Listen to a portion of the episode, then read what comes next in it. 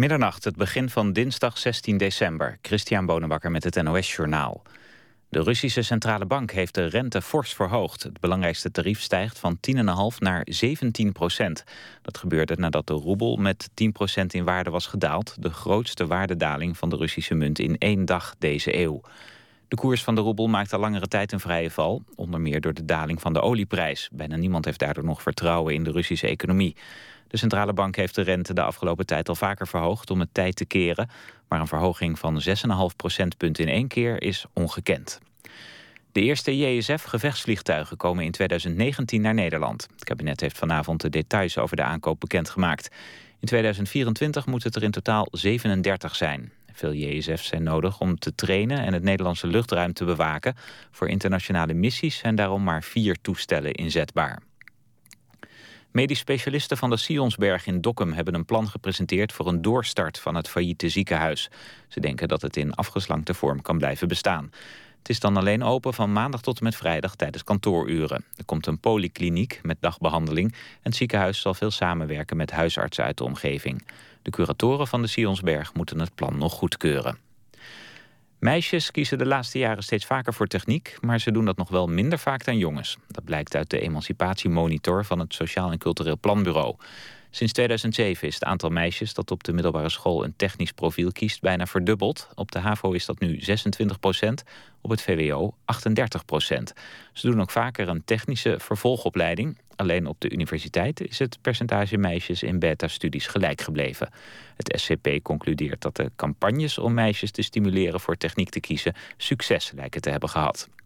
Het weer, vanuit het westen enkele buien, minima rond 4 graden. Morgen trekken de buien naar het oosten weg en in de middag is er af en toe zon.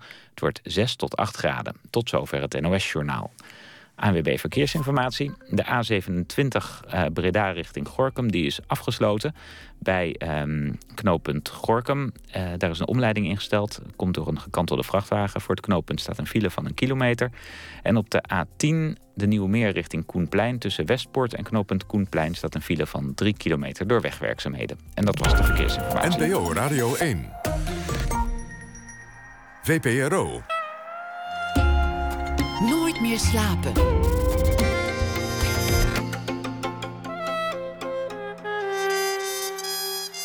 Met Anton de Goede.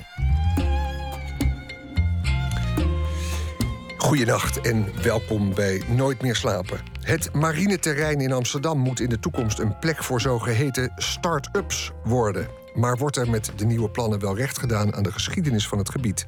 We vragen het schrijvers Gustav Peek en Carolina Trujillo, die een fictief verhaal over dat marineterrein schreven. En we duiken in de wereld van de stripjournalistiek. In het Persmuseum in Amsterdam is nu een overzicht te zien van wat er in binnen- en buitenland gebeurt op het gebied van getekende verslaggeving. Maar dat allemaal later, na ene. Dit uur praat ik met bijzondere gast, schrijfster Ellen Ombre. Geboren in Suriname, lange tijd vanaf haar dertiende gewoond in Nederland... en nu alweer zo'n tien jaar terug in Suriname nu in ons land op bezoek. Uh, auteur van de verhalenbundels Maalstroom, Vrouwvreemd en Valse Verlangens. Welkom, Ellen Ombre. Dank. En u heeft trouwens ook non-fictie geschreven over de problematiek rond ontwikkelingshulp. Schreef u in 1996 Wie goed bedoelt. Dat was een autobiografisch reisverslag met pittige kritiek op de ontwikkelingshulp. Ja. Later nog herdrukt en aangevuld met stukken uit de Volkskrant. Dat klopt, ja. Dus daar begaf u zich in uh, polemische uh, discussie. En in 2004 verscheen de roman Negerjood in Moederland. En daar is tien jaar later nu een nieuwe roman aan toegevoegd, getiteld Erfgoed. Die is net verschenen. Ik las een bespreking in De Groene Amsterdammer die concludeerde... dat was Kees het Hart, niet de eerste de beste. Die zei, Ellen Ombre schreef een mooi en belangrijk boek. En ik zei net, u bent nu in, uh, in Nederland. Bent u hier vanwege het lanceren van het boek? Ja, ik, wil, ik moest het boek afmaken hier. En uh, het, ja, het werd gepubliceerd. En het is heel belangrijk dat ik dat begeleid. He, dus daarom ben ik hier ook. Ja. En uh, ik zei voor de uitzending van ja, kunnen we het zo meteen even over hebben, over het feit dat u geremigreerd bent. Ja. Maar toen zei nee, ik ben niet geremigreerd. Nee, ik ben niet geremigreerd. Ik ben naar Suriname gegaan omdat ik bezig was met een ander boek. Ik was, deed onderzoek, een bepaald onderwerp... naar de, de vestiging van Sephardische Joden in Suriname. En uh, door allerlei omstandigheden verloor ik mijn huis hier in, in, in Nederland... waar ik meer dan 30 jaar in woonde. En uh, toen restte mij niet meer, niet, niets. ik kon niet anders dan mijn spullen in een container doen en naar Suriname gaan, omdat daar een deel van het onderzoek plaats had. En, dus, uh, en um, ja, de container heeft me achterna gereisd, stond een tijd en ik besloot toen in Suriname te blijven, totdat ik dat onderzoek had volbracht. En dat is uh, door allerlei omstandigheden allerlei stagnaties intussen. Ik ben uh, tussentijds met dit boek begonnen. En uh, ben heel blij dat het er is. Ja, en uh, ja, u heeft dus niet Nederland verlaten en toch ook weer wel. U nou, laat ik, dit midden of ja, u nou weer terugkomt. Ja, nou, je kunt, ik kon Nederland niet in die zin verlaten. Dat is ook niet de bedoeling dat ik voor altijd weg zou zijn. Maar uh, ja, het komt er nu op neer dat ik onderweg ben. Onderweg? Ja. Zo voelt dat. U Zo bent onder, ja, ja, ja, ja, onderweg. En bijna ook letterlijk, want morgenochtend wacht het vliegtuig om naar Suriname te gaan. Ja, dat klopt. Fantastisch dat u er nu nog bent, ook op dit tijdstip. Een van de personages, personages in het boek uh, is een oudere vrouw van Hindoestaanse afkomst. Die ooit naar Nederland kwam in de jaren 70, 60, 70. 70. En die uh, laat u zeggen het volgende citaat. Nederland is niet meer wat het was. Het was een beschaafd land toen we kwamen en het is nog steeds veiliger dan elders op de wereld, maar de moraal wijzigt zich. De beschaving wordt niet onderhouden, de mensen lezen niet, lopen aan de leiband van de vooringenomenheid voort. Als je je geest niet onderhoudt, iedere dag weer, loop je gevaar, gevaar te verwildersen. ja. Einde citaat. Ja, nee, die mevrouw heeft heel, heel, heel goed nagedacht over wat ze zei. En het zouden bijna uw eigen woorden kunnen zijn? Uh, ja, dat, zou, dat is het zeker. Um, een jaar of tien geleden, een van de redenen waarom ik langer uit Nederland bleef, was dat ik nogal schrok van de omslag hier in, in, in Nederland. Uh, ik heb het dus niet over Amsterdam, maar over het land. Uh, in Amsterdam dan leeft men toch in het paradijs van dwazen. Je, bent, je denkt dat dat de wereld is, maar de wereld ook in Nederland is zoveel veel uitgebreider. En uh, ik schrok daarvan dat er ja, een soort omslag was. En daarbij kwam dus dat het Rijksmuseum dichtging en het Stedelijk Museum, dat kwam maar niet af. En er was een hele vervelende sfeer in Amsterdam. En uh, dus het maakte het voor mij makkelijker om een tijd weg te blijven. Ja, u kwam als dertienjarige overigens in de Watergraafsmeer terecht, wijk in Amsterdam. En u heeft lange tijd in het centrum van Amsterdam gewoond. En Amsterdam is eigenlijk uw stad. U maakt nu zo'n onderscheid tussen Amsterdam en de rest van Nederland. Ik heb eh, ook wel eens buiten Amsterdam gewoond. Ik heb een tijd lang in de buurt van Den Helder in Huisduinen gewoond. En het was in de jaren zestig een hele bevrijdende tijd. En ik was jong en, uh, en was een hippie. woonde dus buiten, onder de vuurtoren, onder de Lange Jaap. En uh, heb daar ontzettend goed leren paardrijden en paarden africhten. En toen ik dat eenmaal kon, toen kon ik ook veel beter met mensen omgaan.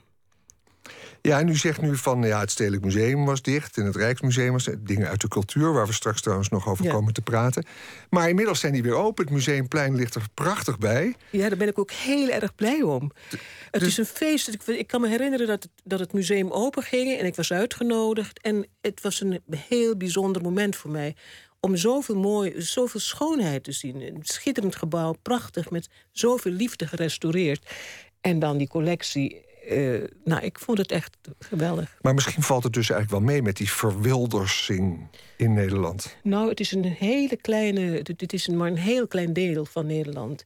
En met die verwildersing uh, bedoel ik meer dat uh, er ja, grote groepen mensen zijn die zich scharen achter achter de PVV. Tot mijn verbazing. Maar er gebeurt ook zoveel. In de afgelopen tien jaar is er zo ontzettend veel veranderd in Nederland. Ook wat betreft het, de media. Als ik, ik kom hier terug, ik zie natuurlijk geen televisie in Suriname. Althans, eh, niet uit Nederland. En dan zie je een programma van Goor en Goor, of zo heten die twee mannen. En dat, is, dat trekt een enorm publiek. En ik, ik begrijp het niet helemaal. Wat is dat voor een programma voor mensen die dat niet kennen? Het is een programma van twee mannen. Ik weet niet of ze nog Goor en Goor is, maar één heet Goor. En Gerard Joling en, en Gordon zijn dat? Twee, eh, twee populaire zangers. Ja, oh, nou ja, maar ze hebben dus een programma dat heet zo. En, en, en dan zie je zo'n zaal met mensen die lachen om bepaalde grapjes... die ik helemaal niet meer begrijp ook. En, uh, en dat is een omslag. Dat was toen ik dus jonger was, was dat absoluut niet aan de orde. Mm. U vindt het plat geworden? Het is niet zozeer plat, maar het is wel een, het, wat een heleboel mensen mooi vinden waar ik dus weinig affiniteit mee heb. Ik, het is geen waardeoordeel, maar het is wel een soort vervreemding. Mm. Nog even ter introductie. Ehm, u heeft een zoon aan wie het boek is opgedragen. Dat is Mike de Zwaan. Die zal inmiddels zo in de, in de dertig zijn. Nee, hij is veertig. Hij is veertig zelfs. Uh, en dat is de zoon die u deelt met Abraham de Zwaan... de bekende socioloog met wie u uh, bijna dertig jaar getrouwd bent geweest. Iets langer. Iets langer zelfs. Uh, uw zoon is muziekproducent. Hij krijgt het boek opgedragen. Hij is dus al de 40 uh, gepasseerd. Hij woont in Nederland. Hij woont nu in New York. Hij woont in New York, ja. Um, nou, en u zegt, ik ben onderweg. Dat gevoel moeten we misschien vasthouden. En dat is ook eigenlijk het gevoel wat misschien wel overblijft... als je dit boek leest, want er zijn zoveel mensen onderweg. En misschien, ja, u, u staat morgen in het vliegtuig... die, die, die contacten zijn natuurlijk steeds makkelijker en... Uh, zo'n drama is het niet om nu eens een tijdje in Suriname te zitten en dan weer in Amsterdam. Klinkt eigenlijk ook heel goed. Uh, nou, ik voel me bevoorrecht. Uh, zonder meer dat ik me dat kan veroorloven mm. om zo uh, in staat te zijn om gescheiden te zijn, laat ik het zo, zo zeggen. En ik denk dat het voor een groot deel samenhangt met het feit dat ik als kind een moederland en een vaderland had. En het ene was in Europa, het ene land, het andere was in Zuid-Amerika. En er was één groot bouwwerk. En dat was het, de, de, verbindenis tussen Suriname en Nederland. En uh, ja, dat heeft er misschien dat heeft, heeft ertoe bijgedragen dat ik zo makkelijk onderweg kan zijn. Uh, er was altijd al een uitwisseling tussen die twee landen. Er werd veel heen en weer gereisd. Voor studie moest je in Nederland zijn. en, uh, maar ja, als u het heeft over die hele grote groepen mensen die dus onderweg zijn, dat is. ja, dat is heel, heel, heel erg zorgelijk. Het lijkt me afschuwelijk. Ik heb het, merk het nu in het klein soms dat je je, je, je, je eigen bed kwijt bent, je boeken kwijt bent, omdat je dus aan het reizen bent. Uh, en zeker toen ik naar Suriname toe ging en al mijn spullen in een container lagen en ik niet precies wist hoe lang ik daar zou blijven terwijl ik bezig was met werk en dat werd onderbroken. Dat was geen prettige tijd. Maar als je het vergeleek, terugkijkend vergelijkt... Hè, dus op de schaal van Palestina, Syrië, is het peanuts geweest. Ja. En ben ik nog steeds bevoorrecht. In het boek dat hier nu ligt, dat erfgoed heet, roman, gaat het over een specifieke groep, over Hindoestaanse Surinamers, ja. die uh, naar Nederland zijn gegaan. Mm -hmm. Ik zei het net in het begin. Waarom heeft u gekozen voor de Hindoestaanse uh, bevolkingsgroep? Nou, die, uh, in, vlak voor de onafhankelijkheid van Suriname was er een probleem, uh, angst. Veel angst onder Hindoestanen. Die waren bang dat de situatie die zich had voorgedaan in Guyana... en dus raciale ellende, dat die zich zou voortzetten in Suriname. Dus echt door angst, en ook angsten gemaakt door politici... zijn er hele grote groepen Hindoestanen uh, naar Nederland gekomen en die hebben zich in Den Haag gevestigd. Het was een soort ketenmigratie. En er kwam één en er kwamen steeds meer. En ze vreesden eigenlijk een, een soort interne strijd tussen Creolen en Hindoestanen. Ja, ja zoals dat in, met, uh, in de tijd in, in Guyana geweest is mm -hmm. onder Jagan. Ik weet niet of je dat. Nou ja, het is een tijd ja. geleden. In elk geval was dat. Komt ook reden. in het boek voor, daar noemt u het. Ja, ja. Um, dus er was een, hoe, hoe, over hoeveel mensen hebben we het dan eigenlijk? Die groep van Hindoestanen die toen naar Nederland kwam? Een grote groep. En uh, nou, als een, een, een, district als Nikeri bijvoorbeeld, dat grenst aan Guyana. Nou, kon je toch wel, was er wel sprake van een soort van leegloop. En uh, het leek me heel erg. Ja, het, het boeide me om me te verplaatsen in het leven van een Hindoestaanse vrouw. En daarbij zou een misverstand, uh, zijn, een misverstand uit de weg kunnen halen, voorkomen. Omdat uh, men gauw geneigd is om te denken dat een boek autobiografisch is. En dat is het dus niet. Want u bent niet van Hindoestaanse afkomst. Ik ben niet van Hindoestaanse afkomst. En het dus het was, ja, ja, u dacht dat is wel fijn. Ja, dan, ja want het vorige kan... boek, Negerjood in Moederland... dat uh, vond men... Uh, dat vond men autobiografisch wat het helemaal niet was. Het was, uh, ja... Nee, dat roept een beetje de vraag op wat dan wel uw afkomst is. Misschien komen we daar later nog. Is deels Joods, is deels nou, ik, ik, ga er maar van uit dat ik van het alras ben. Want ik hou niet van dat delen en dat half dit en half zus. Want komt in het boek ook voor. Dat iemand van, van, van alles, van, van, alles een half is. Ik zie niks in dat halve. Nee. Uh, maar ja, het is grappig, want... Um, toch laat het zich bespreken, die verschillende groepen... zoals u dus de Hindoestanen eruit pikt om ze te belichten in dit boek. En die Hindoestaanse geschiedenis is ook uh, fascinerend om te lezen eerst India, dan naar Suriname en dan van Suriname naar Nederland. Het is een, uh, een duizelingwekkende tocht in, in binnen, die binnen een eeuw plaatsvindt, bijna. Ja, In families. En die die families natuurlijk tekent. En als u iets doet in dat boek, is het overtuigend brengen wat dat met iemand doet. Die dat door, door elkaar geshaked worden van de ene cultuur naar de andere.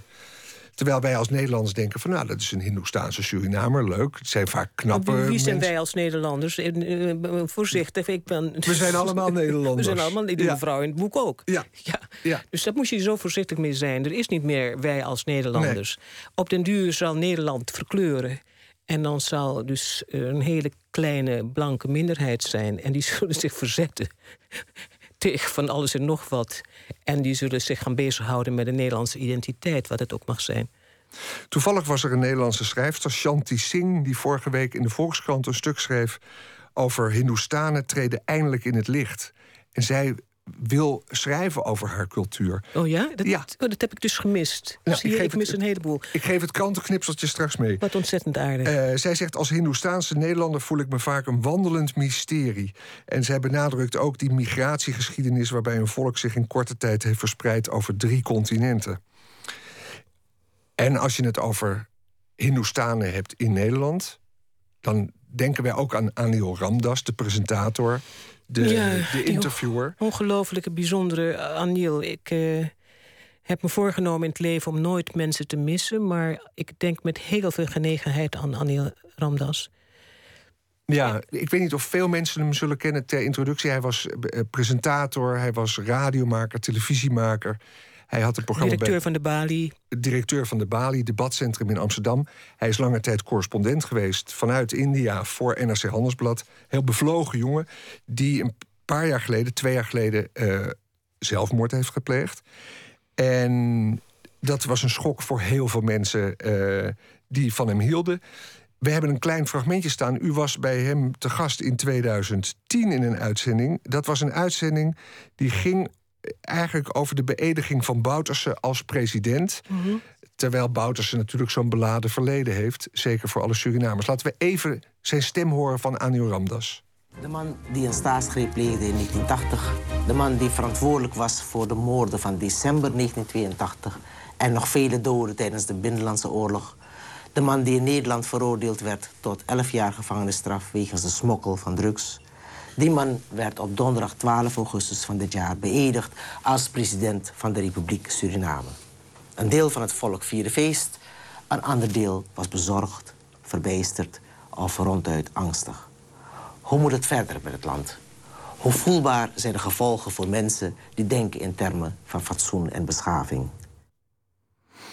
U zat daar aan tafel samen met, uh, met Norlie Beijer, de journaliste, en Jetty, hoe heet ze? Uh, ze noemt zich Taante. Juist, de actrice. En Annie Ramdas die wilde heel graag over die verwerking hebben van Bouterse. Wat herinnert u zich van die uitzending? Het is, het, is, het is heel bijzonder om zijn stem nu weer te horen. En uh, ik herinner me alles van die uitzending. Uh, het, uh, ik vond het um,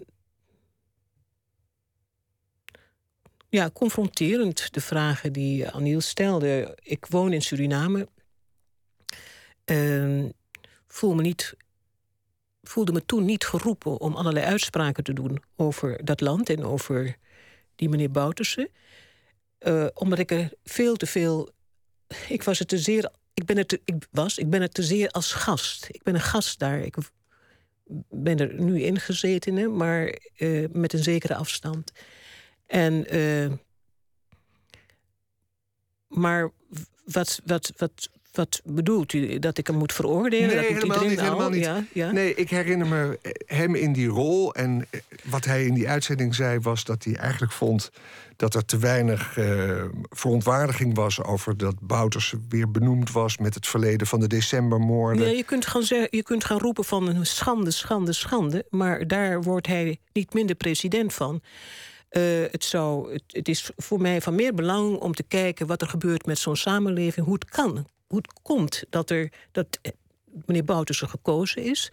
Dat zegt iets over de samenleving. Dat zegt veel meer over die samenleving dan over Bouterse zelf. En, uh, Wat zegt het over die samenleving? Dat uh, het gros van de mensen gestemd heeft op een persoon die uh, verdacht wordt van moord op een groot aantal medeburgers. Het zijn er 15 geweest, 20 geweest en het is misschien niet groot. In, maar het is een heel klein land en dan is het een heel groot aantal mensen. En uh, los van die moorden heb je dus die Binnenlandse Oorlog. En de, de gevolgen daarvan zijn desastreus voor, voor Suriname, voor bosnegers met name. Maar ook voor de ontwikkeling van die mensen die uit het binnenland komen. En, uh, maar nogmaals, er zijn binnenkort verkiezingen... en het zegt meer over een samenleving dan over die man zelf. Mhm. Die beste meneer zelf. Ja, en iedereen kent elkaar in Suriname. En het is makkelijk om vanuit hier een veroordeling uit te spreken. Ja, precies. Ja, en, en weet je wat, zo wat het rare is? Ik bedoel, het is iets wat, wat mij heel erg hoog zit. In de tijd heeft meneer Van Mierlo hem laten lopen in Brazilië. Er is niet één journalist, voor zover ik weet... Uh, geweest die daar op, zich opgestort heeft van hoe zit het nou.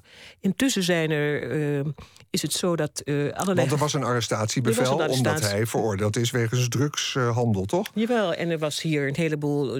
Jugu Jugu heet dat in Surinaams, dus tumult. Met dokters van Leeuwen en die geweldige mevrouw uh, Zorgdrager. Ik weet niet of u, nou ja, het is een hele Winnie tijd Zorgdrager, ja, die toen precies, minister ja. van Justitie was. Ja, ja, er was van alles en nog wat. Maar... En eigenlijk suggereert u dat het misschien een beetje hypocriet is... om die veroordeling uit te spreken... terwijl Nederland meer had kunnen doen dan gedaan Nou nee, werd. niet alleen. Het zal wel een reden, Nederland zal wel een reden hebben gehad om niks te doen. Ik bedoel, Bouters liet hem, uh, Van Mierlo liet hem lopen. Mm.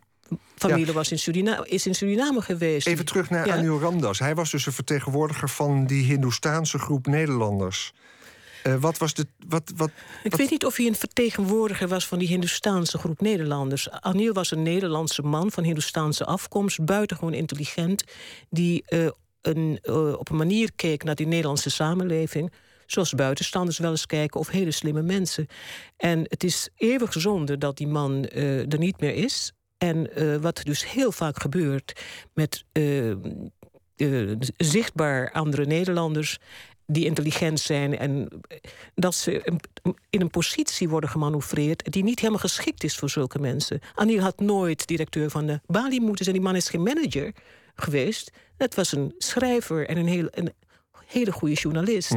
En, eh, maar ja, er werd ontzettend veel van hem verwacht en aan hem toegeschreven.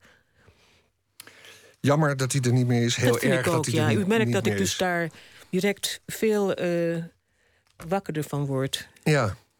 Ehm, laten we even luisteren naar muziek, naar Billie Holiday. Muziek in dit programma wordt uitgezocht door eh, twee zeer gewaardeerde muzieksamenstellers. En we doen eigenlijk nooit aan verzoekjes. Maar nu belde u vanochtend met de redactie om te zeggen dat u zo'n bijzondere droom had gehad over een nummer van Billie Holiday. En of we dat dan konden draaien.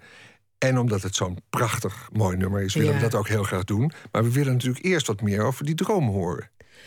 Ja, ik eh, kon vannacht slecht slapen, had een nachtmerrie. En dat gebeurt wel eens meer, dat ik dan eh, troost vind ergens in. En ik hoorde dus eh Billie Holiday, die heel erg troostend kan zijn. Het is een heel treurig lied eigenlijk. Hè.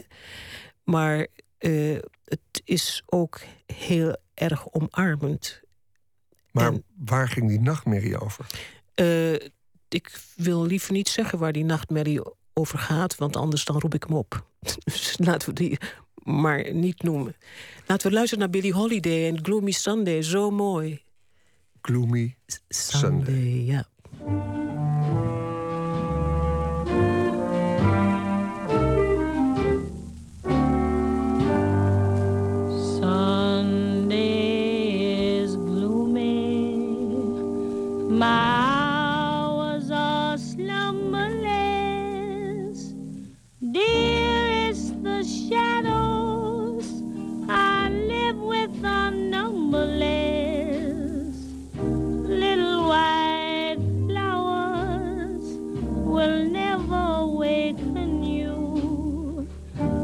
Not where the black coach of sorrow has taken you. Angels have no thought of ever returning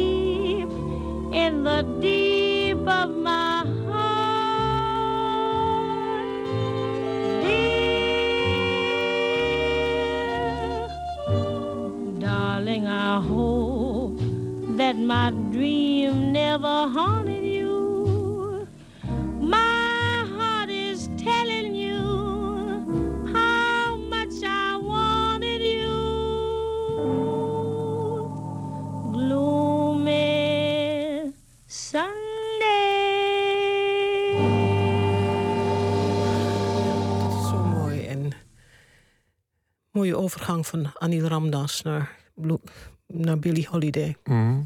In april is het 100 jaar geleden dat ze geboren werd. En dit was dus het nummer Gloomy Sunday uit 1941. Trouwens, een van oorsprong Hongaars lied. Ja.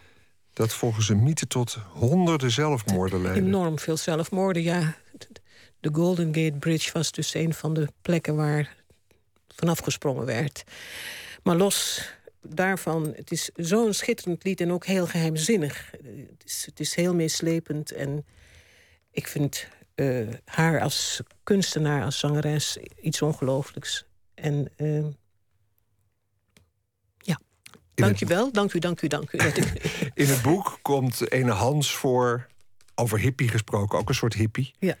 Die eh, de jonge vrouw, de jongen van Hindoestaanse afkomst, zijn de vrouw verleidt. Onder andere met cassettebandje met Billie Holiday. Ja, met, nou, en ook andere mooie muziek. Hè. Heeft Ja, ook maar Coltrane, ook maar ook Billie Holiday. Holiday. Ja, en daar had ze nog nooit van gehoord. En ehm, bent u iemand die dan ook wel een traan laat bij dit soort muziek? Ik laat niet een traan bij dit soort muziek. Ik huil eigenlijk bijna nooit. Ik, ik eh, heb Nee, de- eh, nee, nee. Nee, In het boek eh, wordt huilen genoemd op een gegeven moment emotionele incontinentie. Ik vind dat, prachtig gevonden. en, en, en de let, hoofd... let wel, de hoofdpersoon in het boek, Lakshmi, die heeft daar last van. Ja, zeker, zeker. Ja. Ik, ik, het is geen autobiografie, het is ook een man. ja. Maar deze vrouw die heeft als karakter dat ze altijd zich probeert te beheersen onder alle omstandigheden. Ja. Is dat, en is dat iets wat toch ook. Wat u ook heeft? Nou, ik vind het heel belangrijk ja, om je te beheersen. En niet alle emoties eh, te laten zien. En als een op hol geslagen paard te leven. Ik heb veel meer eh, affiniteit met een verzameld paard. Zoals die prachtige eh, mevrouw van Grunsven zo'n paard kan bereiden. Dat, dat is een mooie combinatie. Maar een paard dat op hol slaat, daar heb ik niks mee. Nee, ik, ik hou wel van die beheersing, ja. Mhm. Het begint al heel jong met ons allemaal, toch? Dat je dus niet in je broek meer plast en niet in je broek poept en zo. En dat je dus zindelijkheidstrainingen krijgt en dat je leert eh, dat je dus ten aanzien van andere mensen eh, niet allerlei vooroordelen mag hebben. Tenminste, zo is het bij mij gegaan. Ja. En ik heb er veel aan gehad. Nou ja, als u zo afgeeft op de. of toch een beetje afgeeft op de tijd nu in Nederland. Ik geef er niet op. Het is een vervreemd. Ik ben ervan vervreemd. vervreemd. Maar Ja. ik bedoel, er is natuurlijk een tijd nu dat eh, dingen eruit flappen, dingen veroordelen, meningen hebben. Iedereen die, die roept tegen elkaar. Dat zou je een vorm van verplatting kunnen vinden. Het is ook gevaarlijk. Je Mhm. kunt mensen met al die vrijheden eh, heel erg kwetsen. En eh, dat is niet de bedoeling, neem ik aan. En ik zal geen voorbeelden noemen, maar zoals er dus nu is, de hetze ten aanzien van moslims, dat vind ik eh, ta- tamelijk beangstigend eigenlijk. En onder het mom van vrijheid van meningsuiting de meest eh, nare dingen zeggen over anderen. Eh, ja, daar hou ik niet van. Mhm. En als je dat denkt, hou het dan voor je. Maar eh, probeer niet als de rattenvanger van Hamelen... een heleboel mensen met je mee te krijgen. De Hindoestaanse moeder in het boek, die, eh, die omschrijft u ergens prachtig als het vlees geworden geheim van rust en zwijgen. Ja. En Ja. zij, is toch, zij gaat heel ver in het verzwijgen van een verleden. Wat ze, hè, zij komt uit die Hindoestaanse traditie. En zij komt uit een armere situatie dan ze bereikt heeft in Nederland. En eigenlijk zegt ze: je moet niet achterom kijken, je moet vooruit kijken. Ja. Waarom zou je kijken in dat verleden? Is dat iets. Ja, ik probeer steeds naar uw eigen leven te kijken, omdat ik dat toch interessant vind. Ja. U kwam als 13-jarig meisje ooit naar Nederland. Ja. Met Met de uw- beste bedoelingen. Mijn ouders die vond- dachten dat het voor ons beter zou zijn... als we eh, eh, iets van de wereld zagen. Want toen al was Suriname natuurlijk de periferie. Het was een hele kleine samenleving. En eh, mijn vader kreeg buitenlands verlof. Het was in die koloniale tijd zo. En wij zouden tien maanden in Nederland blijven. En het werden dus... We zijn er voor altijd gebleven. Omdat de scholen beter waren en er meer aansluiting was. Met name voor mijn broers. Ik heb drie broers. En ik zelf kwam op een MULO-school terecht. En eh, het onderwijs op dat niveau in Suriname was veel beter dan in Nederland. En ik eh, was voorlijk, zoals dat, he- dat heet. En, en ik heb me zelden in mijn leven zo ongelukkig gevoeld als wel op die MULO-school eh, in Amsterdam, Amsterdam-Oost. En dat kwam omdat de mensen, ja, die, de, leerlingen, die kenden Suriname niet, terwijl ik alles over Nederland wist. Dat, dat- nou, dat, dat verhaal dat wordt door zoveel Surinamers gezegd. Maar wat ik. Ja, Voor- dat er geen belangstelling was, geen kennis over nee, Suriname. weet u, het, het gekke is, het is nog steeds zo. Die, de verhouding Suriname-Nederland, maar ook met de ex-koloniën van Nederland. Het is als een heel mooi, eh, een heel mooi pand. Hè, dus aan de buitenkant, nou, neem maar zo'n heel mooi grachtenpand. Maar alleen de buitenkant is onderhouden. En dus het achterstallig onderhoud is, is, is eindeloos groot. En zo ziet de re- relatie Nederland-Suriname eh, er nog steeds uit. Wat bedoelt u dan? Dat wat wij van Suriname zien niet meer is dan een gevel? nou, nee, we, zien, we, horen, we horen bij elkaar qua taal in elk geval. Maar eh, er is een soort saamhorigheid, maar dat wordt niet onderhouden. Dus aan de buitenkant is het, eh, is het alsof het allemaal roze geur en maneschijn was... toen in de tijd dat ik er in, in, in Nederland kwam. Maar dat was niet zo. Men wist van Suriname heel weinig af. En men wist er zo weinig van af dat eh, na, bij de onafhankelijkheid van Suriname... Het, men Suriname een leger gunde, dat hele kleine landje. Hè, dus eh, het is eh, pure onwetendheid waar mensen als die meneer Pronk, de minister van Ontwikkelingssamenwerking. En ja, dat is toch wel een nummer van een man geweest wat Suriname betreft. De, onafhankelijkheid is Suriname toch een beetje opgedrongen. In, en hij was de boodschapper van meneer Den Uil in die tijd. Maar laten we daar niet over praten. Laten we Ja. over literatuur Laten we hebben. het over kunst literatuur over mooie dingen. Nou, ik wil nog even, want u kwam dus in die, in die Watergraafsmeer als 13-jarig meisje. In welk jaar was dat? Eh, ik was twaalf volgens mij. Ik was in 61 geloof ik. Vroege jaren 60. Ja. En u zou dus een soort hippie worden. Natuurlijk ja, in Amsterdam komen in de jaren 60. Nee, nee, nee. Het, het- Amsterdam was toen grauw hoor, in 61. U was toen misschien nog heel klein of Ja, niet ik was toen piepjong, maar... Maar het was een grauwe stad. De auto's hadden allemaal zwarte, grijze kleuren... terwijl in Suriname er kleurige auto's waren. Dat is het eerste dat me opviel. En we kwamen dus in, eh, in eh, vroege lente hier... en hadden wel gelezen over bomen zonder blad omdat het eh, hè, inherent aan de winter. En ik had ook wel eens in Ottensien gezien eh, dat, er, dat het kaal was. Maar het was, het was een, een ongelooflijke saaie bedoeling. Absoluut geen hippie-tijd. En Maar eh, die zou weldra komen. die zou weldra komen en godzijdank kwam die ook. Want eh, om het regime van de burgerlijkheid van dat Suriname... wat we meegenomen hadden en wat heel goed paste... bij die burgerlijkheid hier in Nederland. Er was iets in mij dat dat wilde ontvluchten. En ik... Nou ja, er moet, God moet bestaan, want die gaf mij het hippiedom. En plotseling was er een hele andere wereld met mooie muziek. En dat je stiekem naar de Groene Kalebas mocht, eh, helemaal niet mocht. Dat je daar naartoe ging. En Wat je- was de groene kalabas? dat was een hele enge tent waar mensen hash rookten. En daar ben ik één keer in geweest eh, om te kijken, nieuwsgierig. Ik wilde alles zien. En eh, nee, kon, er waren pleiners en, en dijkers plotseling. En dan was je natuurlijk niet een dijker, want die hield helemaal niet van vreemdelingen. ik werd natuurlijk een pleiner, want de muziek was veel mooier. Jazz en Miles Davis. Nou, het was een gouden tijd. Maar toen was ik alweer 16, 17. En in die periode ben ik, leerde ik, eh, kwam ik in contact met kunstenaars, godzijdank. En ben eh, ja, zeer mm, ja, tegen de wens van mijn omgeving... ben ik toen eh, op mezelf gegaan in een relatie met iemand. Mhm. En dat heb ik veel, daar heb ik heel veel van geleerd. Wat heeft u daar geleerd? Nou, er was niks te eten, maar we hadden wel Studio International en Art International, twee tijdschriften. En dat, dat, dat, dat, dat, ja, dat, ging- er ging een wereld voor me open. En, Kunst, ja, cultuur. Ja, cultuur. En, en, en, en die vader van u, wat, wat deed hij voor werk? Nou, niet die vader van u. Het was een hele bijzondere man. Mijn vader was griffier van de staat in Suriname. Een hele gesloten man. Eh, die heel erudiet en eh, die eigenlijk terug wilde naar Suriname. Die wilde graag zijn land helpen opbouwen, want hij had ook een beetje geproefd van eh, de nationalistische bewegingen, en die meneer Bruma en dergelijke. Maar mijn moeder moest daar niks van weten, dus die wilde liever in Nederland blijven. Een welgestelde familie. Niet welgesteld, maar goedgezind. En u werd uiteindelijk medisch-wetenschappelijk medewerkster bij een huisartsenpraktijk. Nee, niet wetenschappelijk medewerker, maar maatschappelijk werker.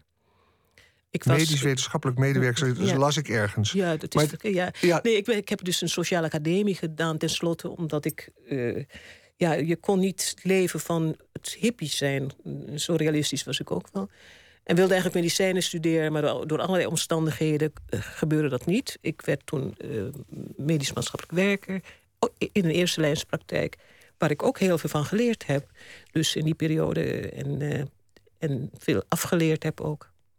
We gaan straks ook naar aanleiding van het boek... Ja. aanleiding waarvoor we hier zitten... met Ellen Ombre, Erfgoed, roman die net is verschenen... praten over cultuur. Daar gaat het over Bordewijk en daar gaat het over Johannes Vermeer. En het boek heet Erfgoed... Waar, waarschijnlijk juist omdat dat erfgoed belangrijk is voor, voor, voor ons allen. En over erfgoed gesproken, dat zit natuurlijk ook in muziek. En eh, we gaan luisteren naar Jenny Lewis, Just One of the Guys. Voordat we dat doen, wil ik de luisteraar eh, betrekken bij het volgende. Alle Nooit meer slapen luisteraars willen wij vragen om een lijstje te sturen. Met daarop uw favoriete boeken, exposities, voorstellingen, films of muziek van 2014. Want het eind van het jaar nadert en volgende week zetten wij graag dagelijks de hoogtepunten van het jaar op een rijtje. En daarin mag uw mening dan eigenlijk misschien wel niet ontbreken. Stuur top 3, top 5 of top 10 naar nooitmeerslapen.vpro.nl en maak kans op een cadeaubon. En misschien is het wel deze Amerikaanse zangeres ik noemde haar net Jenny Lewis, die op dat lijstje staat. Haar album uit 2014 heet The Voyager en daarvan draaien wij nu Just One of the Guys.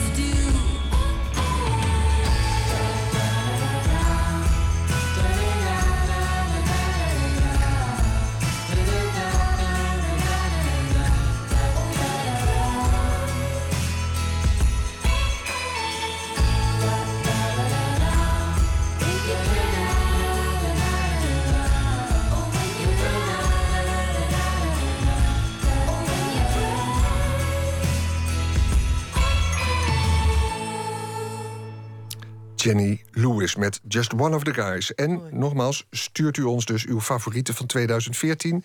en doe dat naar nooitmeerslapen.vpro.nl.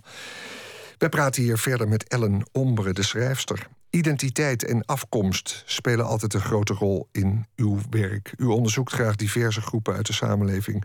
In een vorige roman, Negerjood in Moederland... dook u in de achtergrond van Joodse Surinamers.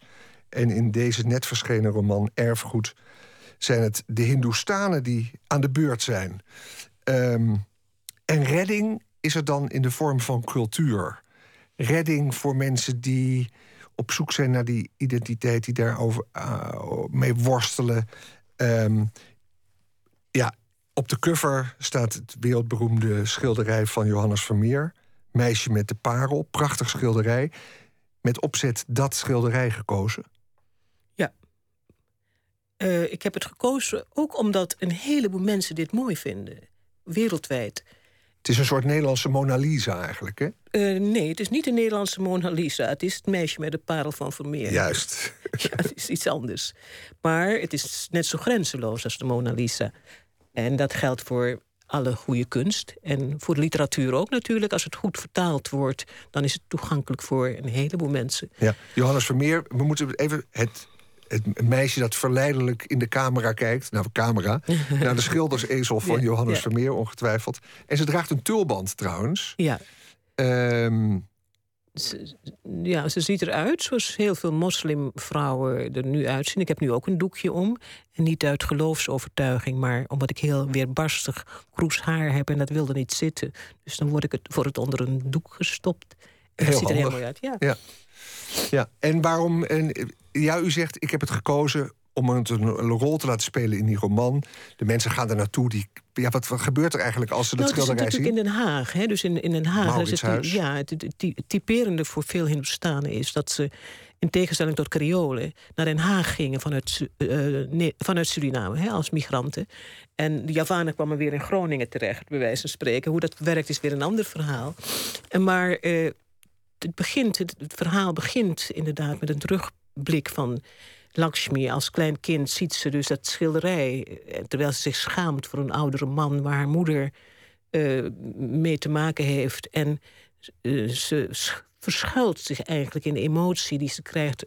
terwijl ze naar de ogen van dat schilderij kijkt. En het doek binnengezogen wordt. En dat iets heel beschermends voor haar heeft. Nou. Ja. En dat heeft het schilderij natuurlijk. Als je die ogen ziet, en uh, het, is, het, is verleidelijk, maar ook heel zacht. En uh, uitnodigend dus. Ik las bij eh, Hans den Hartog-Jager, die heeft over het schilderij geschreven. Las het vanmiddag nog even na. Ja. En die schrijft, ja, die tulband die werden vaak... Had je, die, bij anonieme modellen werd er vaak een soort rare pet... of een, een, een hoed of een tulband opgezet... om het dan iets exotisch te Om het- geven. ja, precies. In die tijd was het zo. De mannen gingen vaak ook, bij Rembrandt zie je dat ook... Hè? dat ze dus met getooid, met een hoofddeksel... eh, men begon dus de, te reizen, eh, en veel naar Italië te gaan en verder. En het eh, buitenland druppelde Nederland binnen en andersom. Ook een mooie rol krijgt Bordewijk. Ja. Dus de, de Nederlandse schrijver eh, van Blokken en Bind. Maar met name dan een tekst die ik niet kende, Tijding van Ver. Dat is de titel van een boek. En dat moet een heel mooi boek Het zijn. is een schitterend boek. Ik, heb, ik had het eigenlijk voor u moeten meenemen. Ik heb een exemplaar hier eh, antiquarisch kunnen, kunnen kopen. Dankzij een hele goede vriend van mij die een antiquariaat heeft. Boekoe, eh, Karel Harnak, die alles heeft. En eh, ja, ik, het, is, het is een heel mooi boek. En wat ik vooral heel typerend vind... en gek genoeg was Anniele die zich druk maakte... over Surinaamse personages in de Nederlandse literatuur... in dit boek is er een mevrouw, Cassavalle Watre... en die wordt er zo mooi beschreven. En toen ik het boek voor het eerst las, moest ik aan mezelf denken. Eh, zij komt in Nederland in de jaren 50, geloof ik is het. En eh, woont op kamers. En eh, de manier waarop ze zich moet handhaven in zo'n zo'n omgeving. Van, tussen mensen die helemaal niks weten over Suriname. Het is zo mooi. Ik ga er niet te veel over zeggen, maar ik hoop dat het, dat het herdrukt wordt. Want het is moeilijk te krijgen. Eigenlijk zou Bordewijk bij Scheltema gewoon er moet zo'n plank moeten zijn waar je Bordewijk kunt kopen. bij Atheneum. Maar waarom is het er niet? Ja, Bordewijk, ik weet het niet. Ehm, er zijn natuurlijk via boekwinkeltjes.nl kan je het vast krijgen. Eh, Bordewijk, en ik geef één citaat. Al wat iemand die gestorven is tijdens zijn leven heeft doorgegeven... heeft hij wel doorgegeven aan toekomstige gestorvenen. Ja. Citaat van Bordewijk uit het boek, wat gelijk heerlijk is. En wat trouwens weer... U zegt van ja, u kwam toen met die familie naar Amsterdam... naar de uh, Watergraafsmeer, naar die wijk. En ja, u kwam naar Nederland om verheft te worden Ja. ook, hè? Ja. Verheft, is dat eigenlijk goed Nederlands? Verheven. Verheven. En de, de, de- het, het, het verheven worden door kunst... dat komt ook in dit boek ter sprake. Dat is natuurlijk een beetje een soort P-van-de-A-achtige manier... van over kunst denken. Maar dat had die Bordewijk volgens mij weer niet. Eh Bordewijk heeft weinig gereisd, maar die had een feilloos oog. En Maar dat kunst moest stichten. Eh, Want dat zit er een beetje- Nou, dit is niet eens dat. Het is niet mijn uitgangspunt. Het is zo. Het is. Ik ben daar. Ik. Het is mij aangereikt. Ook omdat ik ervoor open stond. Maar wat vooral van belang is. Ik was van de week op een tentoonstelling in de Nieuwe Kerk over Afrikaanse kunst. En echt, als u daarbij was geweest, had u misschien wel een traan in uw ogen gekregen. Er was een school, een MBO, een, een, een LBO-school. Eh, met eh, een heleboel kinderen van verschillende Nederlandse kleur. En eh, die kinderen die waren eigenlijk voor het eerst in de nieuwe kerk. En het was een openbaring voor die kinderen om naar die Afrikaanse kunst te kijken. Maar ook te lopen in die kerk en, en in zo'n prachtig gebouw. En ik heb ze dus een tijdje gevolgd. Wat ik wil zeggen is dat ik hoop dat museumlessen en dergelijke weer terugkomen. En dat er dus niet bezuinigd wordt op dat soort kunsteducatie of educatie in het algemeen. Het is erfgoed. En eh, ehm, ja, wij kwamen hier om ons, eh, misschien mm, niet zozeer om ons te verheffen. Mijn vader zei: degene die God lief heeft, die zendt hij de wijde wereld in. Dus, eh, hij was nogal Duits ingesteld. Hij was een EBG'er, Evangelische Broedergemeente, en daar was hij door, door. En we hebben al heel gauw, tenminste in die periode was het voor mij van groot belang om niet terug te kijken. En nu ook. Hoewel ik heel verdrietig kan worden van eh, dingen die gepasseerd zijn en niet zo lang geleden en die traumatiserend waren. Maar je moet, ik heb, begrijp niet dat mensen naar hun roots gaan zoeken, eindeloos bezig zijn met te kijken waar ze vandaan komen. En in het boek komt een woord voor dat voordat je weet, dan leid je aan voorgeslachtsziekte. En dat komt in dat boek voor. En dat is, dat is een feit. Want je zult maar geconfronteerd worden met een vreselijke enge man of vrouw die een nazi is geweest. Of eh, ja, een Rost van Tonningen, is geweest, die de, geloof ik dezelfde soort verre achtergrond heeft als Wilders, of niet? Maar anyway, het is, je kunt beter kijken wat om je heen gebeurt en vooruitkijken en niet gaan zoeken naar waar je vandaan komt. Want in wezen komen we allemaal van die twee Afrikaanse mensen, geloof ik, wordt Ja. gezegd. En dat zegt Ellen Ombre, die toch eigenlijk als thema in haar werk altijd die geschiedenis heeft. En eh, op de een of andere manier dat erfgoed, die geschiedenis, is natuurlijk toch bepalend voor, voor zoveel. Eh, ja, als het positief gebruikt wordt, wel. Morgen vliegt het eh, vliegtuig weer terug naar Suriname. En dan komt u dus daar, waar u nu de laatste tien jaar hoofdzakelijk bent. En u bent niet geremigreerd, heeft u aan het begin van dit uur gezegd. U bent eh, eigenlijk altijd onderweg. De laatste tijd wel, ja. En eh, hoe is het dan daar? Uw boek is nu in Nederland verschenen, uitgekomen bij Neigen van Ditmar. Zijn daar boekhandels die ja, dat is zeggen... een hele goede boekhandel, Vaco. Daar is het, ligt het boek nog niet. Maar het is eigenlijk voor het, in het belang van het boek dat ik hier langer zou moeten zijn. En ik kom eh, ook terug in februari. Ook om te kijken of ik het boek onder de aandacht kan brengen. Maar ik moet de archieven in om te, te werken aan het volgende boek. En dat boek gaat over de vestiging van Sephardische Joden in Suriname. In Suriname.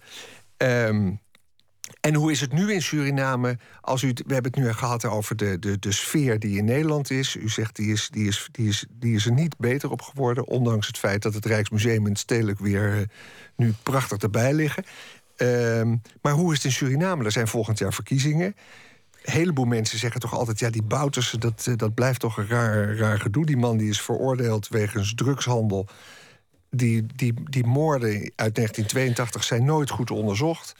En u heeft de neiging om te zeggen... ja, het is gecompliceerd, maar hij is gekozen, hij zit daar. Nou, het is niet maar. Het is niet maar hij is gekozen en hij is gekozen. En eh, weet u, kijk, ik kan wel een emotioneel verhaal houden over Suriname. Maar het is heel belangrijk om dat te staven met feiten. En een heleboel feiten eh, die zijn dus verdonkere maan tot op, in Nederland voor een groot deel, dat weet u ook. Eh, we hebben geen toegang tot die archieven. Tot, eh, wanneer was dat? Over 60 jaar geloof ik eh, krijgen we te horen wat er zich werkelijk heeft afgespeeld. En, eh, En ik- eigenlijk zegt u, ik kan- ik oordeel kan- niet ja. te hard en niet te nou, het is makkelijk. niet zozeer oordelen, maar het gaat erom dat ik als ik kijk, de emoties is het laatste waardoor ik me kan laten drijven. En ik vind het weerzinwekkend wat er gebeurd is in Suriname. Er zijn ook mensen bij geweest waarvan ik de nazaten ken. En dat is heel, heel, heel eh, ja, ontluisterend als je ziet hoe het heeft, erin heeft gehakt. En het zou geweldig zijn als zo'n man als Bouterse in elk geval dat beseft. Maar ik geloof dat. eh, ik weet niet meer wie het zei, dat schuldgevoel een basis voor herhaling is. En daar ben ik altijd bang voor. Mhm.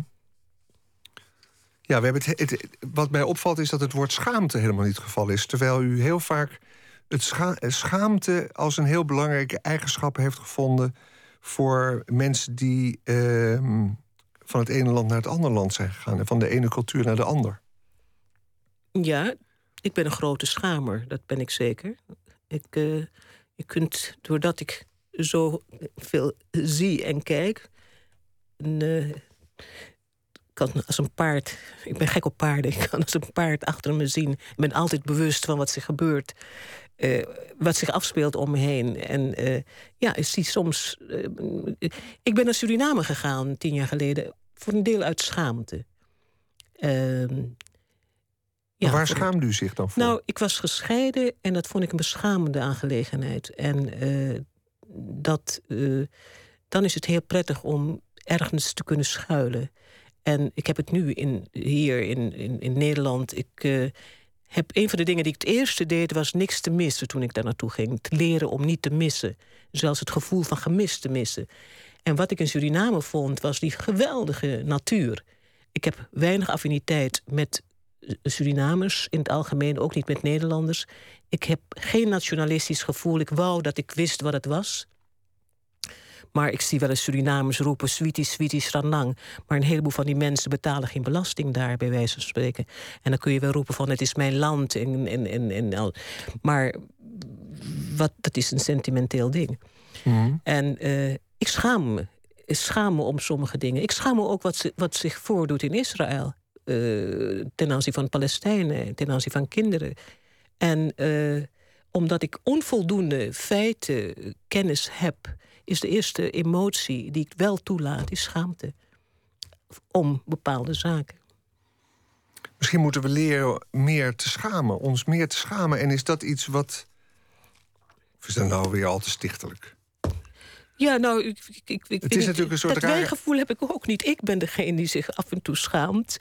En eh, ik, eh, of af en toe, ja, ik heb er last van. Ik, eh, ik, het, het kan heel belemmerend zijn. Fantastisch, ontzettend goed eh, en mooi dat, dat u het afgelopen uur eh, zo open heeft willen praten naar aanleiding van het boek Erfgoed dat er nu ligt, uitgave van van Ditmar. Morgen goede vlucht terug naar Suriname en in februari eh, Ben ik waarschijnlijk weer even in Nederland. Heel erg bedankt voor ja, dit toch buitengewoon aangename gesprek. In Nooit meer slapen spraken wij met Ellen Ombre, schrijfster van het boek Erfgoed, nu in de boekhandel. Hartelijk dank. En zometeen zijn wij een uur terug. Ehm, wat gaan we dan doen? We duiken in de wereld van de stripjournalistiek. In het Persmuseum is nu een overzicht te zien van wat er in binnen- en buitenland gebeurt op het gebied van getekende verslaggeving. En het marineterrein in Amsterdam moet in de toekomst een plek voor zogeheten start-ups worden. Maar wordt er met de nieuwe plannen wel recht gedaan aan de geschiedenis van het gebied? We vragen het schrijvers Gustav Peek en Carolina Trujillo, die een fic- fictief verhaal over het marineterrein schreven. En onze nachtcorrespondent, die eh, maakt melding van de shock-release van het nieuwe album van D'Angelo. Vandaag verschenen en wij horen straks een voorproefje vanuit New York. Tot dadelijk na het nieuws van 1 uur.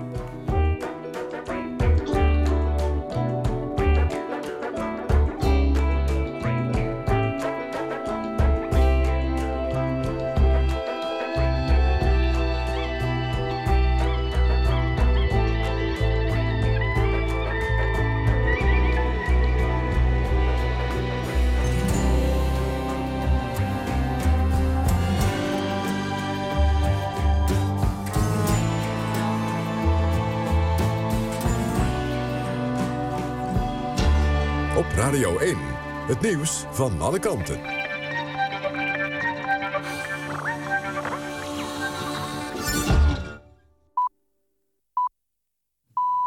1 uur, Christian Bonenbakker met het NOS Journaal. De Russische Centrale Bank heeft besloten tot een ongekende renteverhoging. Het belangrijkste tarief stijgt van 10,5 naar 17 procent. Dat gebeurde nadat de roebel in één dag 10 procent minder waard was geworden.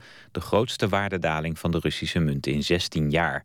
De koers van de roebel maakt al langere tijd een vrije val. Onder meer door de daling van de olieprijs en de westerse sancties tegen Rusland. Bijna niemand heeft daardoor nog vertrouwen in de Russische economie. De centrale bank heeft de rente de afgelopen tijd al vaker verhoogd om het tijd te keren. Maar een verhoging van 6,5 procentpunten in één keer is uitzonderlijk. Een medewerkster van oplichter Bernard Madoff is veroordeeld tot zes jaar cel. Volgens de rechter was zij volledig betrokken bij het piramidespel... waarmee beleggers voor tientallen miljarden dollars werden benadeeld. De vrouw werkte 25 jaar voor het investeringsfonds van Madoff... en stelde maar weinig vragen, al dus de rechter. Nu zij tot zes jaar is veroordeeld... hebben alle verdachten in de oplichtingszaak hun straf te horen gekregen. Bernard Madoff zelf is tot 150 jaar zelf veroordeeld. Meisjes kiezen de laatste jaren steeds vaker voor techniek... maar ze doen dat nog wel minder vaak dan jongens. Dat blijkt uit de emancipatiemonitor van het Sociaal en Cultureel Planbureau. Sinds 2007 is het aantal meisjes dat op de middelbare school een technisch profiel kiest bijna verdubbeld. Op de HAVO is dat nu 26 procent, op het VWO 38 procent. Ze doen ook vaker een technische vervolgopleiding. Alleen op de universiteit is het percentage meisjes in beta-studies gelijk gebleven. Het SCP concludeert dat de campagnes om meisjes te stimuleren voor techniek te kiezen succes lijken te hebben gehad. Het weer. Vannacht vanuit het westen enkele buien, minimaal rond 4 graden. Overdag trekken de buien naar het oosten weg en in de middag is er af en toe zon. Het wordt 6 tot 8 graden. Vanaf woensdag is het een paar dagen erg zacht. Donderdag wordt het zelfs 13 graden, maar er is wel veel bewolking en van tijd tot tijd regent het. Tot zover het NOS Journaal. ANWB Verkeersinformatie. De A27 Breda richting Gorkum. Die is afgesloten ter hoogte van de afrit Noorderloos. Dat is overigens al uh, Gorkum richting Utrecht. Uh, bij het knooppunt Gorkum is een omleiding ingesteld. Er staat een file van een kilometer en dat gaat nog een paar uur duren. En dan iets verderop op de A27 richting Almere. Tussen Eemnes en Huizen staat een file van 2 kilometer. Dat was de verkeersinformatie. NPO Radio 1. VPRO. Nooit meer slapen.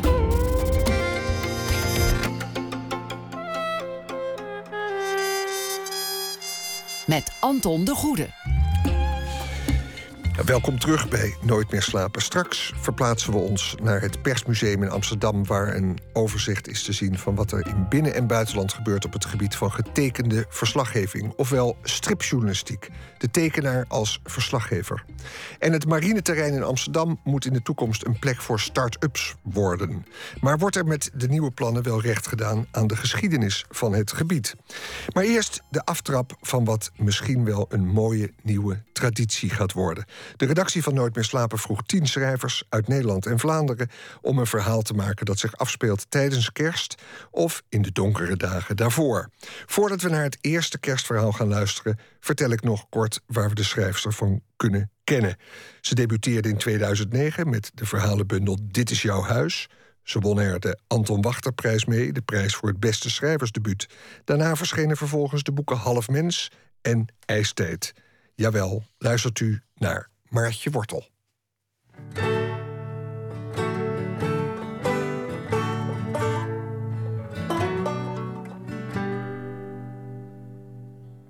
Aan tafel.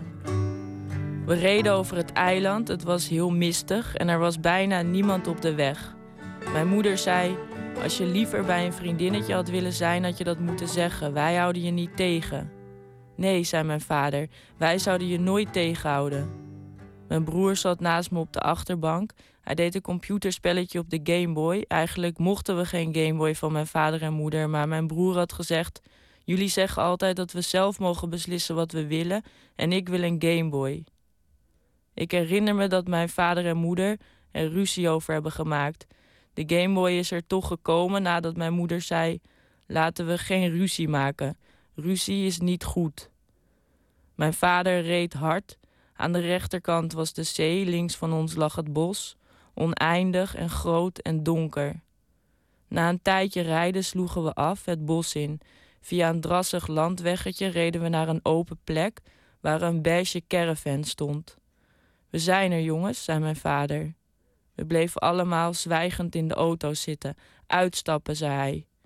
In de caravan was alleen een bed waar we op konden zitten op een rij, dicht naast elkaar. Zo doen ze dat in Afrika ook, zei mijn moeder, naast elkaar. En niemand houdt het ooit in zijn hoofd om er maar naar te verlangen alleen te zijn. Maar als jullie het liever bij een vriendinnetje hadden gevierd, zei mijn vader, dat had gekund. Wij geven niets om de feestdagen. Hij knipte een lichtje aan en wreef in zijn handen. Kinderen moet je vrijlaten, maar je moet ze ook laten zien wat de mogelijkheden zijn, zei hij, terwijl hij een fles wijn opende.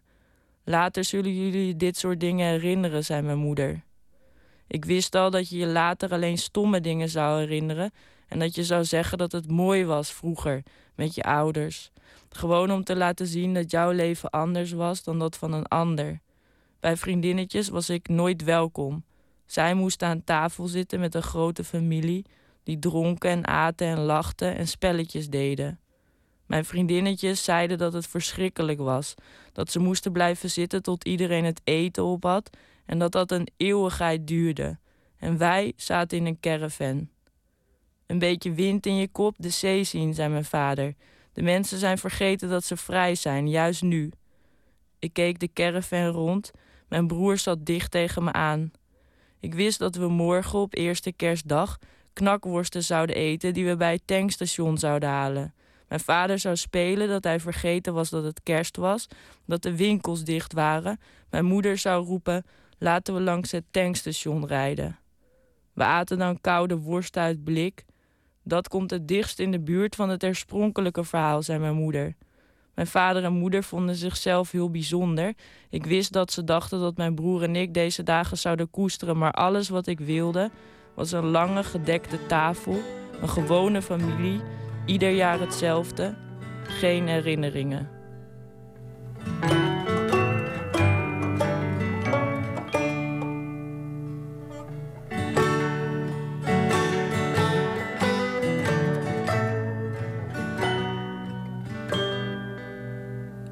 Ik heb dit verhaal geschreven omdat uh, mijn vader en moeder al sinds ik heel klein ben zeggen dat kerst heel onbelangrijk is. Dat we het niet hoeven te vieren als we dat niet willen. Maar ondertussen, als we er niet zijn, dan, dan uh, is dat ongeveer het ergste van de wereld. en ik wilde altijd wel naar vriendinnetjes. Ik ben ook wel eens bij vriendinnetjes geweest met kerst. En ik vond dat dan juist heel leuk. Ik dacht, waarom zijn mijn vader en moeder tegen kerst. Want die mensen vieren gewoon gezellig met de hele familie kerst aan een tafel en hebben allemaal lekker eten. En die pakken juist uit. Uh, en uh, uh, wij gingen dan dus heel vaak naar een eiland. En dan zaten we helemaal alleen in een of andere koude schuur. serieus knakworsten uit een blik te eten. dus vandaar dat ik dit verhaal heb geschreven.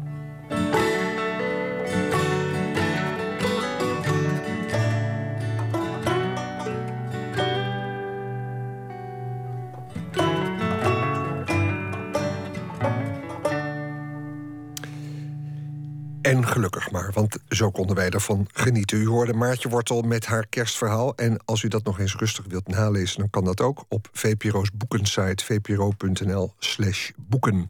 Waarop alle kerstverhalen uit Nooit meer slapen verzameld zullen worden. Morgen dus opnieuw een kerstverhaal, dan van Robert Willagen.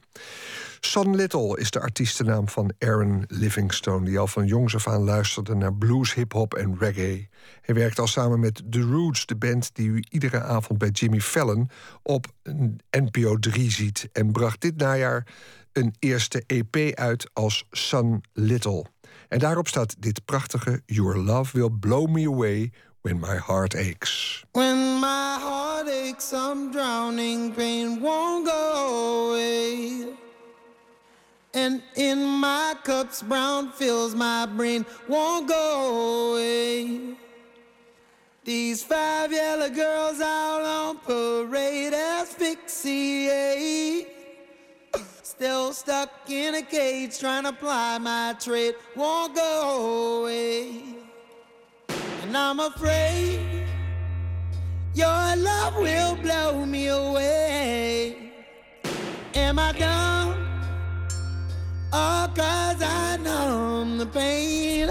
Am I just another runaway? Yeah. When shadows creep across my floor, won't go away. You've had enough, but still one more won't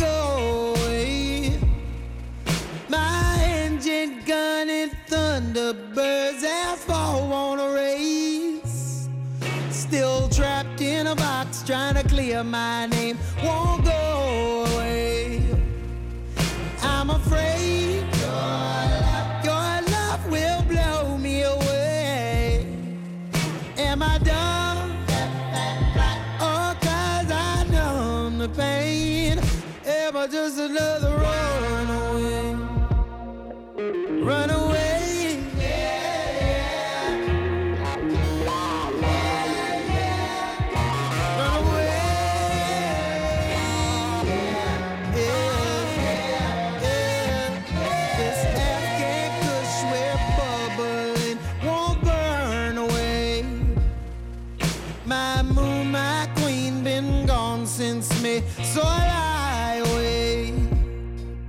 My easy death in ecstasy, my hands still shake.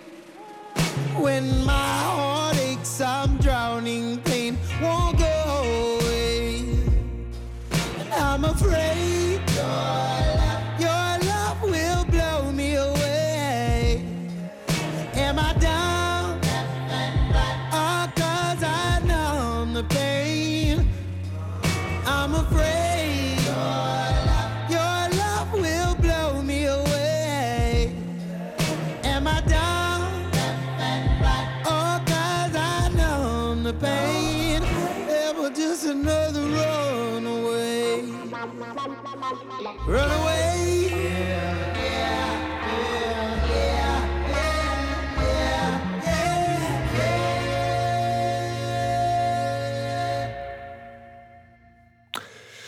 Sun Little uit Philadelphia met Your Love Will Blow Me Away When My Heart Aches.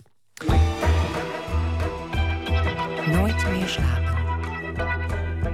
In Nederland staat het genre nog in de kinderschoenen, maar elders is de stripjournalistiek niet meer weg te denken. Beelden uit het gesloten Noord-Korea, aquarellen van de oorlog in Syrië. De stripjournalistiek brengt een unieke benadering van het nieuws. In het Persmuseum in Amsterdam is vanaf morgen een overzicht te zien van de mannen en vrouwen die met potlood en penseel de wereld inzichtelijk proberen te maken. Verslaggever Maarten Westerveen hielp mee de laatste werken de museumvloer op te krijgen. Niet de dan heb ik kwijt. Wat komt er nu aan?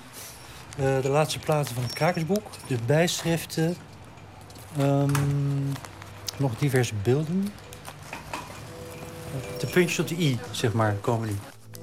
Stripjournalistiek klinkt op het eerste gehoor als een knieval naar een jong publiek. Niets is echter minder waar.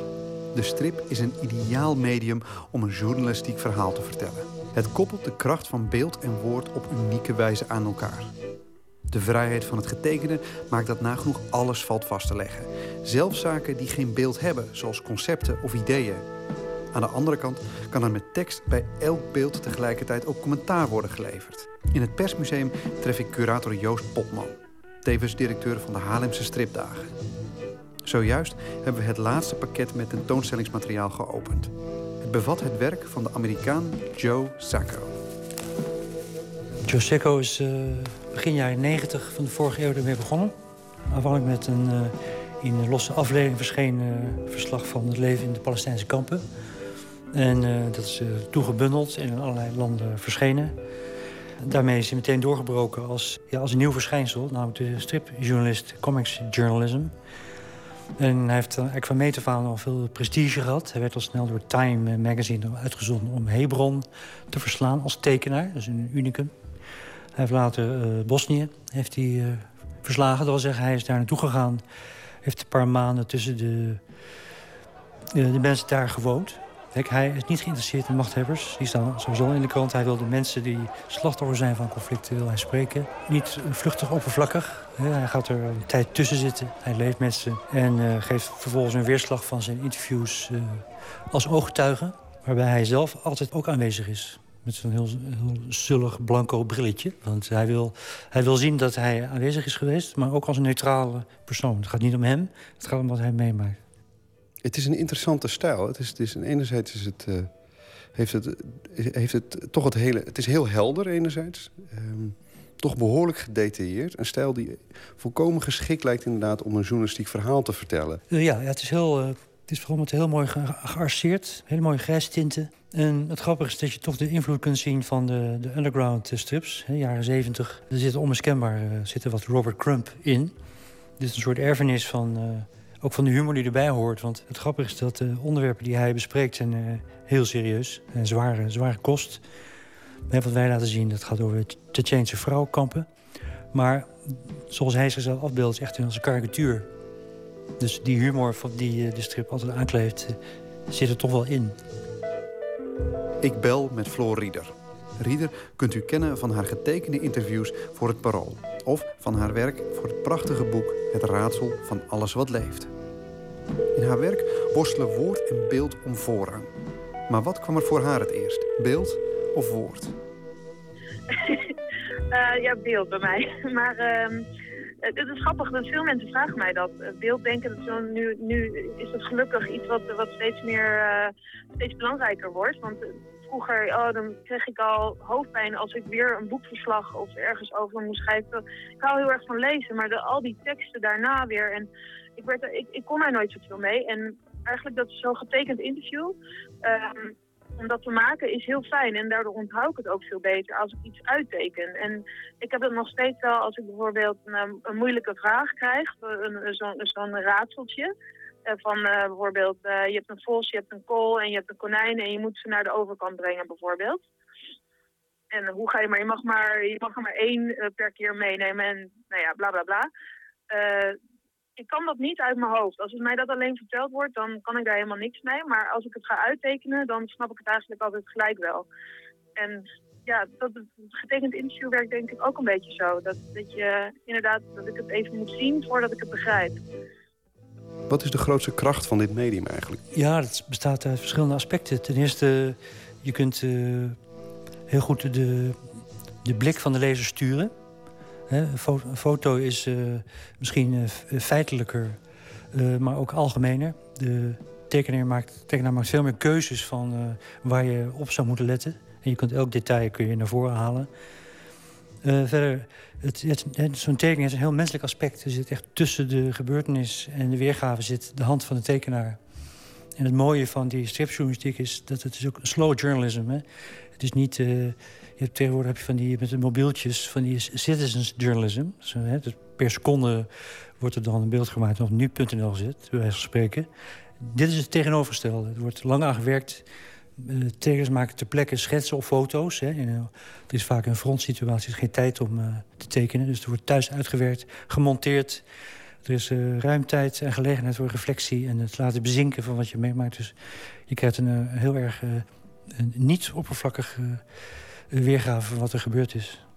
Is er nou, um, kun je hier iets aanwijzen dat er voor jou echt um, nou ja? Dat echt ook die, die, die, die, die, voordelen van, um, van dat medium, van de stripjournalistiek, echt, echt laat zien? Waar ik zelf heel blij mee ben, is de deelname van uh, Jeroen Jansen uit, uh, uit Vlaanderen. Die heeft uh, zich jarenlang uh, bezig gehouden met Doel. Doel is zoiets als Ruigoord bij Amsterdam, maar dan in de Antwerpse haven is in de loop der jaren door de groei van de haven daar helemaal ja, vermorzeld.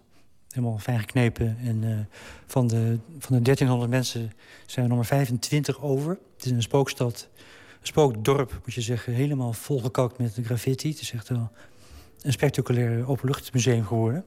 Er is nog wel een café wat het nog doet. Kun je gewoon een biertje drinken. Heel bizar. Blijft België. Dat blijft België, ja. En uh, Jeroen is daar gewoon jarenlang heen gefietst. En er was eerst wat wantrouwen van de lokale bevolking. Maar op een gegeven moment werd hij de dorpstekenaar van Doel. Want hij kwam er zo vaak, hij kende iedereen. Uh, en hij is ja, ongelooflijk, hij is een virtuoze aquarellist. we hebben originele schetsboeken in de tentoonstelling en interieurschetsen. Hij werd heel snel en heel accuraat. Maar hij is toch vooral uh, geïnteresseerd in het lot van de mensen die daar wonen. Dus we hebben scènes uitgepikt over uh, Charles en Marcella. Die wonen in een soort lompe, lompe winkel heeft hij allemaal uitgebreid in beeld gebracht. En eh, het interessante is dat hij aanvankelijk uh, voerde hij zichzelf op als, als personage. Dat kun je hier rechts zien. Hier fietst hij nog door de haven. Wordt hij zo tegenhouder in zo'n witte jeep van een beveiligingsbeambte. Die zegt, doe je hier? Wegwezen. Nou, dan gaat hij stiekem nog fotograferen uit de hand. Terwijl hij doorfietst. Je ziet allemaal in schuine horizons. Heel leuk getekend. En dit is zo in Frankrijk verschenen in deze versie. En later voor zijn, uh, zijn prachtige boek, wat ook alweer uitverkocht is...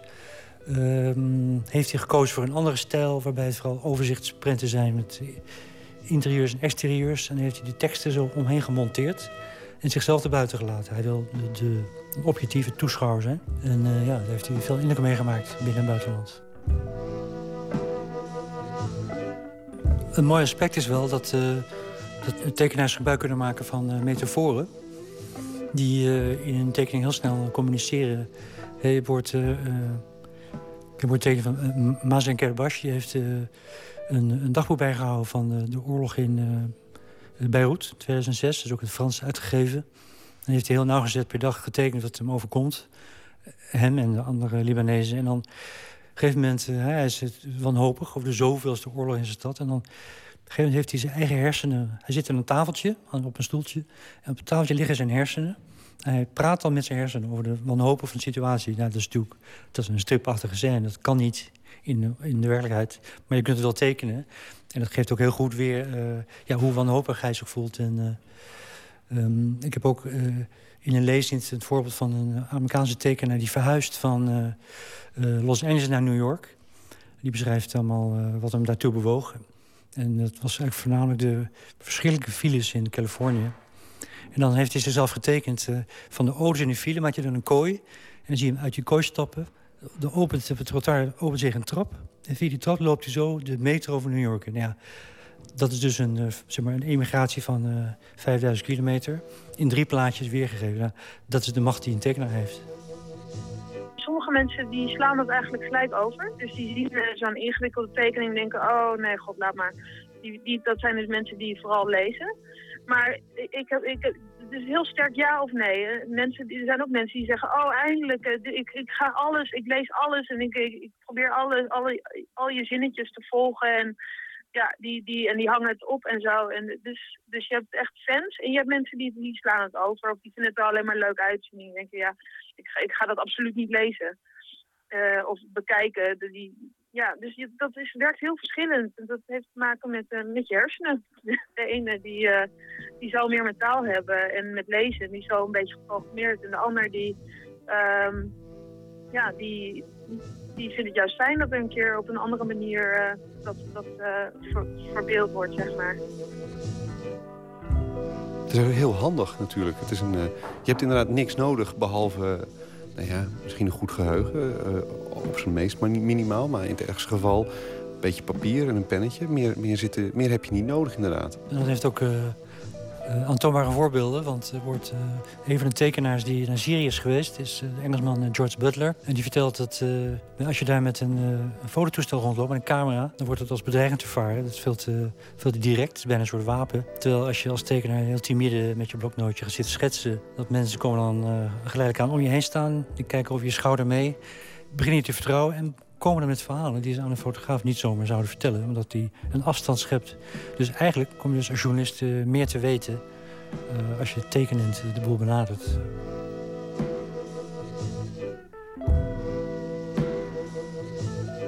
Next time you find yourself staring at a photograph, please question whether drawing could have offered you something more.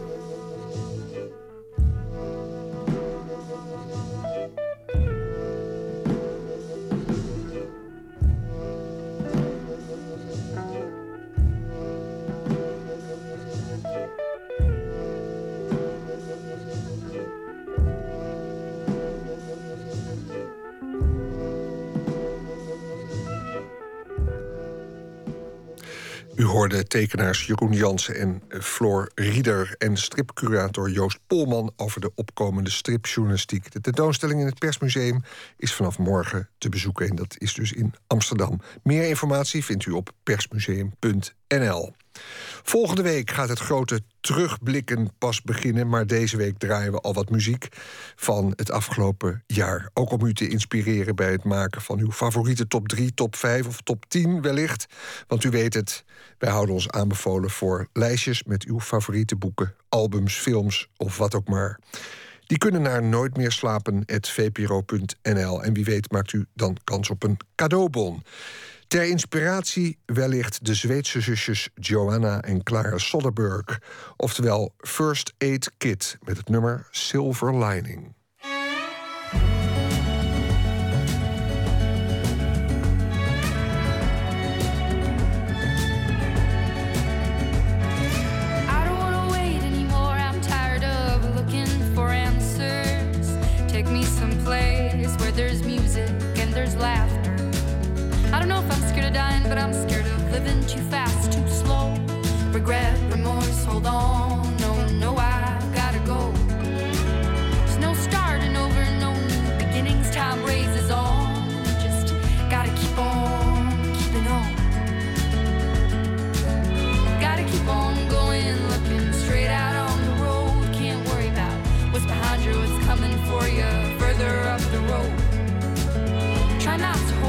what is gone.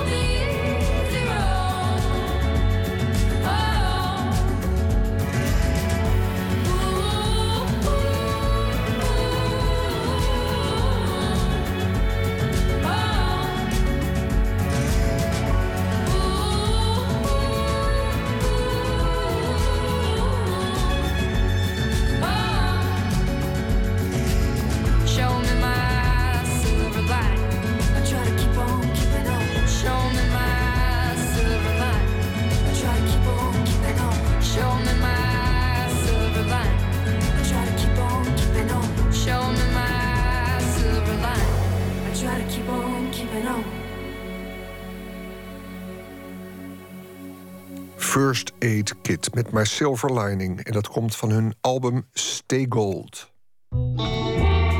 Nooit meer slapen. En dan is het nu tijd voor onze nachtcorrespondent. En we gaan het over muziek hebben. En wel deze.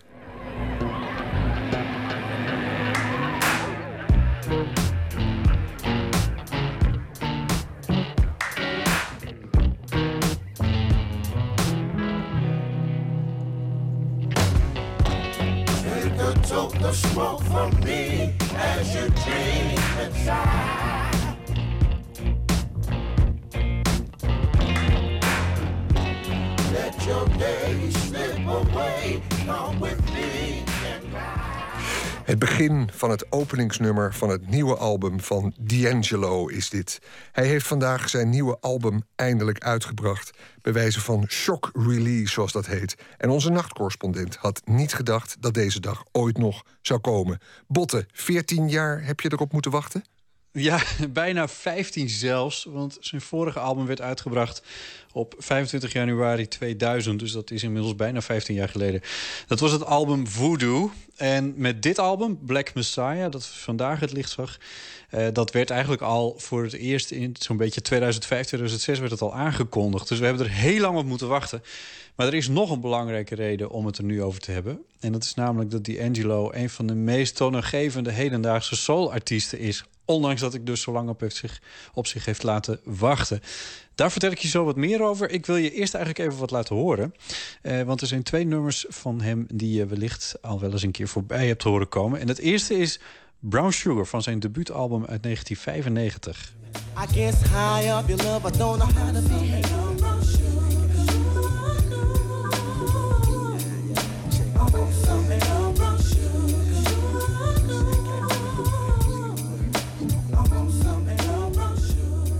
Ja, D'Angelo was 21 toen hij dit uitbracht. Muziekcritici waren lovend over het album. En dat zou eigenlijk alleen nog maar beter worden nadat hij Voodoo uitbracht in het jaar 2000. Het bekendste nummer daarvan is Untitled, How Does It Feel?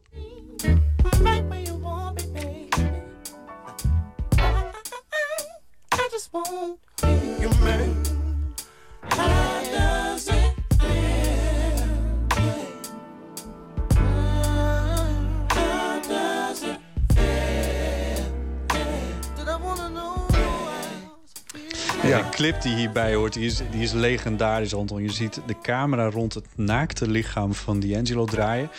Een hele gespierde en uh, enigszins ingeoliede uh, donkere jonge man, moeten we zeggen. Dus je ziet zijn um, nou ja, unit, uh, zie je net niet, zou ik maar zeggen. Onze regisseur Maaike Dubelaar die is op dit moment niet meer te houden. En die swingt ook bij deze nummers enorm.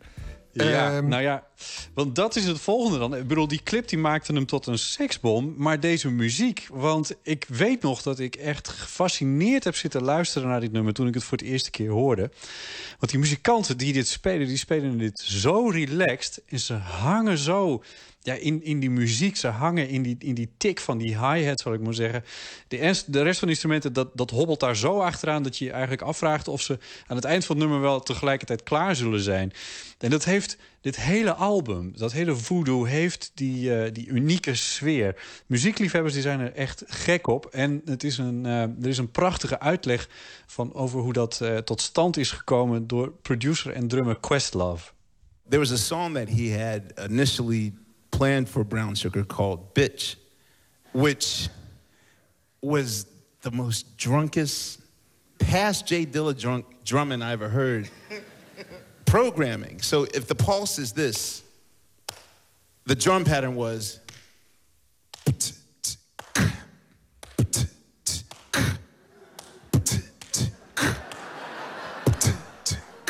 But it was it was drunk, but it was perfect.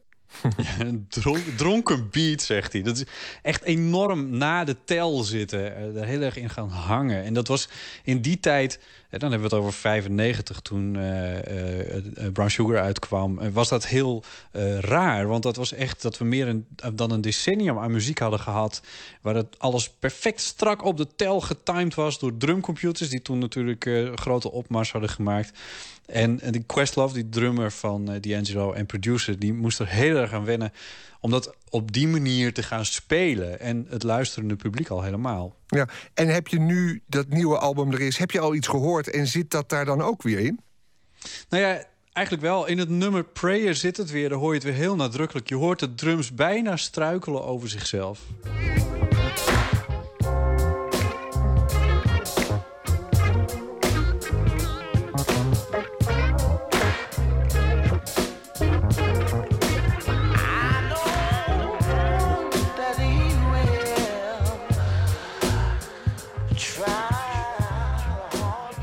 Ja, ik probeer, uh, ik probeer het te begrijpen en te beluisteren. Voor mij is het allemaal nieuw, moet ik je eerlijk zeggen. Uh, er gebeurt wel wat, maar waarom lig je dit eruit nu specifiek? Nou ja, dit is eh, omdat het een van de belangrijkste aspecten aan de muziek van D'Angelo is, eh, die hem zo interessant maken. Ehm, ze noemen zijn muziek eh, neo-soul, dus een soort van, van nieuwe soul. Eh, het komt voort uit de traditie van de Amerikaanse soulmuziek, maar dan met een veel minder conventioneel geluid. Dus je hoort invloeden van de jazz, van funk, van hip-hop en van pop, fusion en wat Afrikaanse muziek.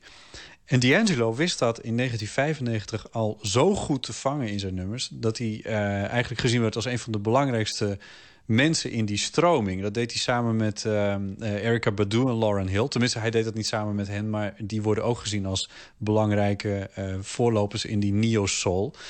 En die stroming was een beetje een reactie op de muziek van de jaren 80 en begin jaren 90, de RB, die toen heel erg opkwam. Dat was heel erg zwaar geproduceerde muziek. Zeker de hip-hop, dat was zeg maar recht op de tel, heel metronoomsachtig strak. Eh, dat kon alleen met samples gebouwd worden. Dus dat was muziek die voor een belangrijk deel eh, in de computer werd gemaakt. En toen kwamen er artiesten als D'Angelo... die heel goed hadden geluisterd naar Stevie Wonder en naar Prince... maar ook naar de Meters en naar James Brown en Jimi Hendrix... En die kwamen met echte muzikanten, zonder die samples en zonder de drumcomputers en met oude tape recorders. Mhm. En is dit nieuwe album nou ook weer te vangen onder die noemer Neo Soul? Ja, dat is, dat is lastig te zeggen, want D'Angelo heeft in ehm, eh, mei van dit jaar heeft hij een interview gegeven en dat ging daar een beetje over. Hij geeft eigenlijk nooit interviews. We we weten eigenlijk niet zo heel erg veel van hem. Behalve dan dat hij een paar keer voor drugsbezit is opgepakt en, drank en dat soort dingen.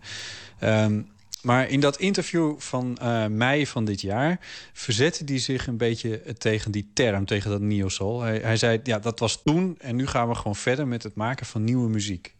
Be told, hey, you're not doing what you did on Brown Sugar. You know, like right now, I'm not. We're going someplace else. And so, well, damn, you, you're a neo soul artist. Why don't you do neo soul? And I never claimed that. I never claimed I do neo soul. I used to say, I do black music. I make black music. Ja, en waarom maak je geen eh, neo-soul meer? Eh, maar eh, hij zegt nee, ik, wil, eh, ik, ik maakte en maak zwarte muziek. Questlove, waar ik het eerder over had, die zit bij datzelfde interview... en die legt daarna op een mooie manier uit... hoe het publiek moest wennen aan het geluid van Voodoo... dat tweede album, dus het vorige. Ehm, en dan ontspoort het interview eigenlijk een klein beetje... want eh, die, eh, Questlove begon over dat nieuwe album... wat we nu dan hebben, maar wat toen nog heel erg de vraag was... of het überhaupt ooit zou komen. En D'Angelo zit daarbij. Dat was duidelijk niet de bedoeling. Luister maar. Whoa, what like what, sounds like a, an acid trip or something. Like, what what are you guys doing? Now it sounds normal, especially compared to unmentionable, unspoken third record.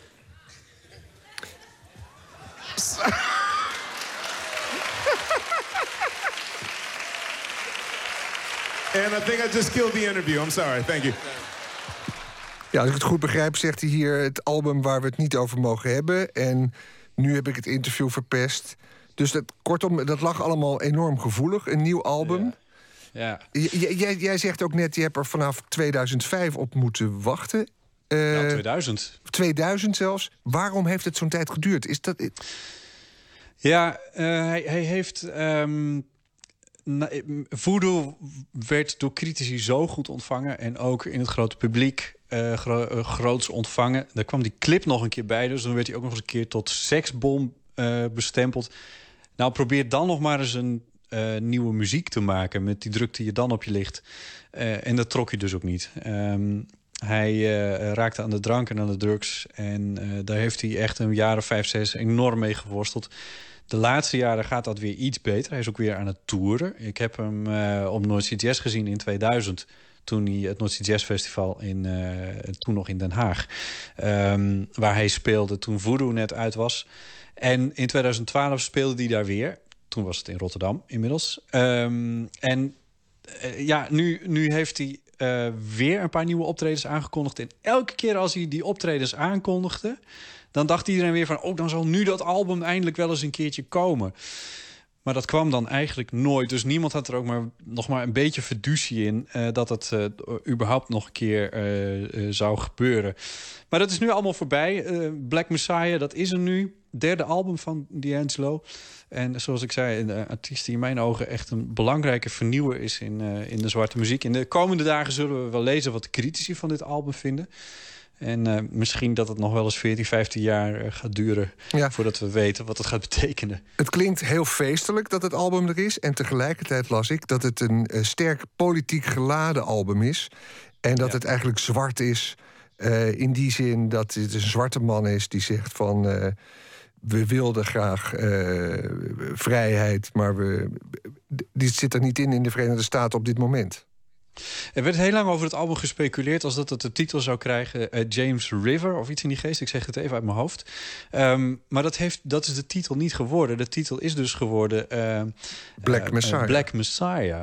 En dus, hè, dus de, de zwarte messias. En ehm, hij schrijft heel nadrukkelijk in het boekje van de CD, waar ik alleen maar foto's van heb gezien, want die, dat album is alleen nog in de Verenigde Staten. Dat is hier nog niet. Het is hier alleen digitaal via Spotify en iTunes. Maar eh, de foto van het boekje, daar legt hij de naam van dat eh, album eh, direct uit. Hij zegt van dit gaat niet over religie waar ik het over heb, maar dit gaat over mensen die eh, protesteren en opstaan in eh, Ferguson, in Egypte en bij eh, Occupy Wall Street. Eh, en eh, overal waar een gemeenschap er genoeg van heeft en besluit om dingen te veranderen. eh, Oké, het gaat dus ook Ja. over in verzet komen. Dankjewel, Ja. Botte Jellema, voor deze bevlogen aandacht voor D'Angelo. Nieuw album dus. Fantastisch, dankjewel. Graag gedaan. En we kunnen nu... We hebben nu een aantal fragmentjes gehoord... maar laten we nu een heel nummer even draaien... waar we niet doorheen gaan praten. Betray My Heart.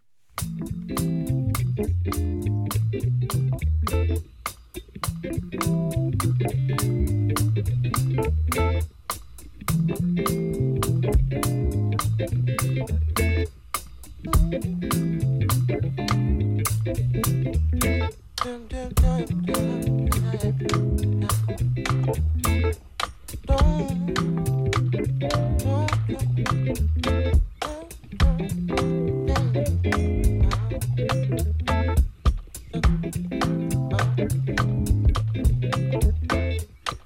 the day must have sun, and the night must have its moon. Sure as both must rise and fall, I'll be there to see you through. Just as long as there is time, I will never. And the feeling that you feel that my love is not sincere, I will never betray my heart. I will never betray my heart. I will never betray my heart. Yeah. Oh, oh, oh. like the breeze that blows in June. I will respect, keep you cool. This I swear with all that's true. I'll take nothing in place of you. When you're feeling down, down, You my soul, you can depend on me. You don't ever have to that my love's not sincere. I will never betray my heart. I will never betray my heart. I will never betray my heart. Yeah.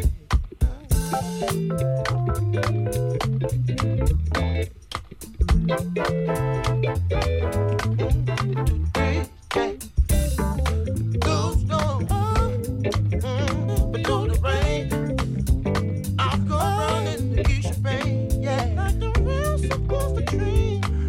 blood in your vein. I will never betray my heart. I will never betray my heart. I will never betray my heart.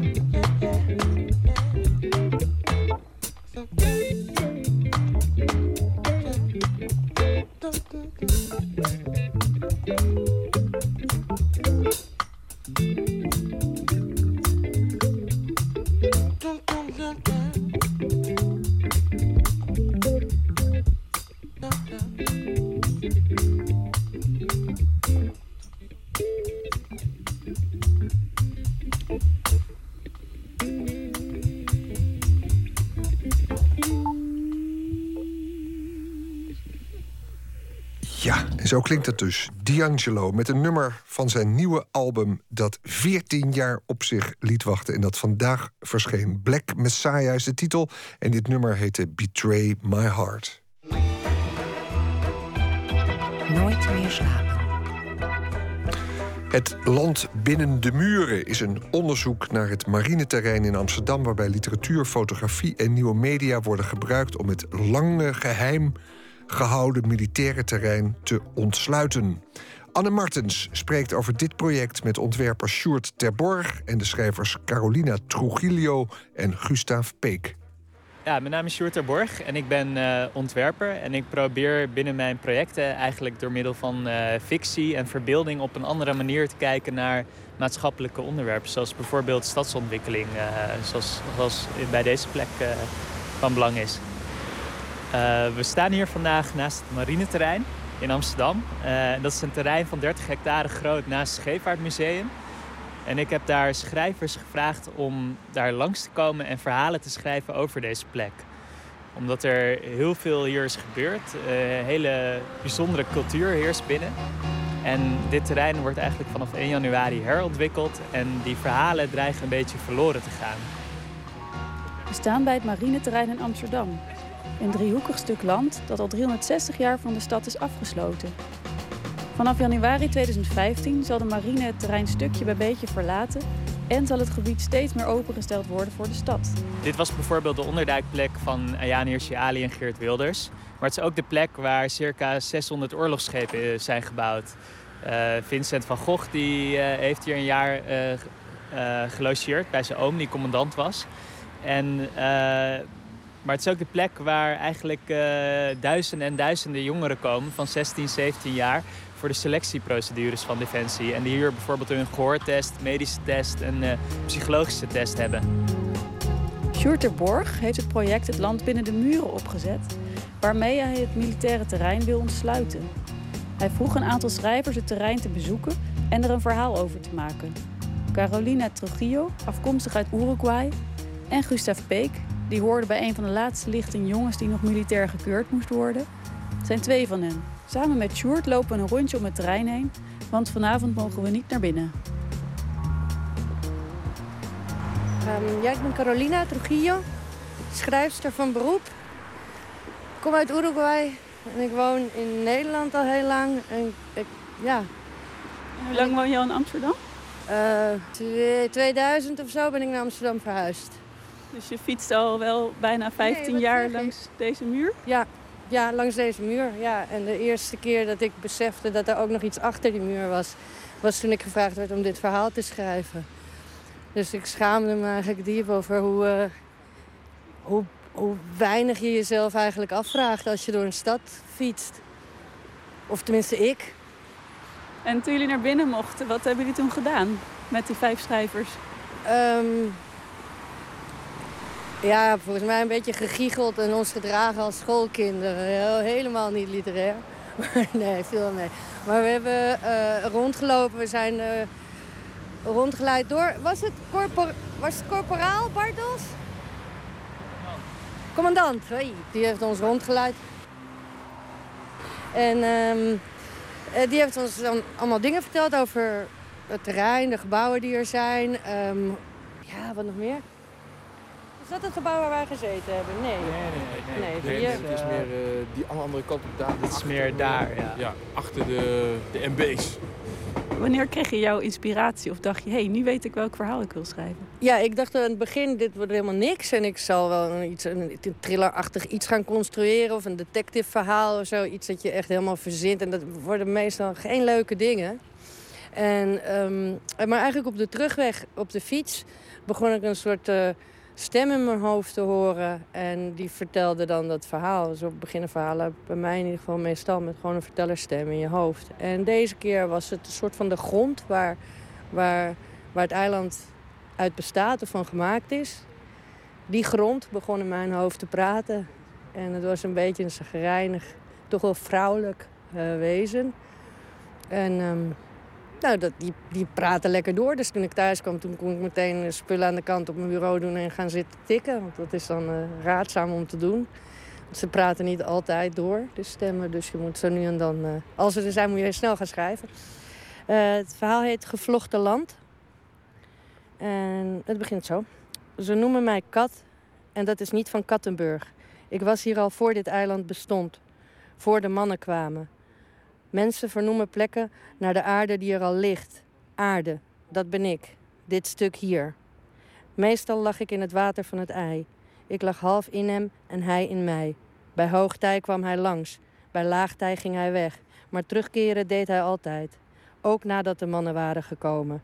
Ze voeren langs mijn grenzen. Mannen in bootjes die ze van bomen maakten. Ik kende bomen, uitzuigers, lichtpikkers. Mannen hakten ze om. Daarom dacht ik dat ze goed waren. Ze kwamen met meer, bleef langer en bouwden terpen om hun hutten op te trekken. En elke keer moesten ze het weer voor het water op het lopen zetten. Als het ei er een te pakken kreeg, gaf hij hem aan mij. Hij kon ze allemaal hebben. We lopen op een ventweg langs de Dijksgracht. Met rechts van ons het spoor en links van ons woonboot en aan de overkant een gebouw met Koninklijke Marine in blauwe letters. Ik ben uh, Gustav Peek, schrijver. En heb jij zelf ook iets met uh, militairen of ooit daar een interesse in gehad? Uh, zelf ben ik een pacifist. Dat maakt het voor mij ook spannend om op zo'n marineterrein te lopen. Want zo'n omgeving, zo'n zo'n sfeer van uh, kameraadschap, van wapens, van techniek, die is zeer aantrekkelijk. Dus, maar ik heb ooit de beslissing genomen om uh, mezelf pacifist te noemen... om mij te wapenen tegen die aantrekkingskracht. Wat was jouw idee van dat hele terrein? Dacht je er ooit over na? Mijn eerste instelling is altijd... het, het is minder uh, spannend en bijzonder dan het lijkt. Dus aanvankelijk stelde ik me er van alles bij voor. Van nou, hier, hier ligt nog van alles. Hier, hier liggen nog zware wapens en, en bunkers. En, en, en ik, ik, stel, ik stel me er maar allebei uh, avontuurlijke dingen bij, voor. Maar dat... Dus de werkelijkheid dacht ik van, nou, dat zal wel wat banaler zijn, wat simpeler. Dat klopt ook en tegelijkertijd klopt het ook weer niet. Het, ziet er eigenlijk allemaal heel normaal uit. Een gebouwtje hier, een gebouw, gebouwtje daar, een beetje gras. Um, water eromheen. Maar dat idee dat dit al zo lang een soort safe zone is. Een plek is waar, waar mar martiaal over de omgeving wordt gedacht. Uh, wie een safe zone creëert, uh, doet dit vanuit het idee dat de buitenwereld wel, wel eens bedreigend kan zijn. En, en dat maakt zo'n plek opnieuw spannend. Maar ik had altijd het gevoel van ja, maar dit is toch uh, een last line of defense. Dit is, uh, dit is een plek van strijd. Strijd dat is voor de aanval en het is voor de verdediging. Dit is, het voelde nog altijd als een verdedigingsplek. Zo onbevangen en zo vrolijk is het niet. Het is, uh, als er iets ergs zou gebeuren, dan zou deze plek opeens weer tevoorschijn komen waar die voor bedoeld is. En, en, en die, dat soort gedachten grepen me. En daar heb ik uiteindelijk ook mijn verhaal over geschreven. Wil je een stukje voorlezen? Ja. Wil je bij die lantaarnpaal ja. staan? Het is allemaal al een verhaal geworden. Onze kinderen zullen opkijken van de avonturen van hun vaders. Dit is de plek, het moment, de werkelijke volharding waar we al die tijd op hebben gewacht. Vanaf onze eerste stappen door de poort. En we zullen winnen of woedend ten onder gaan.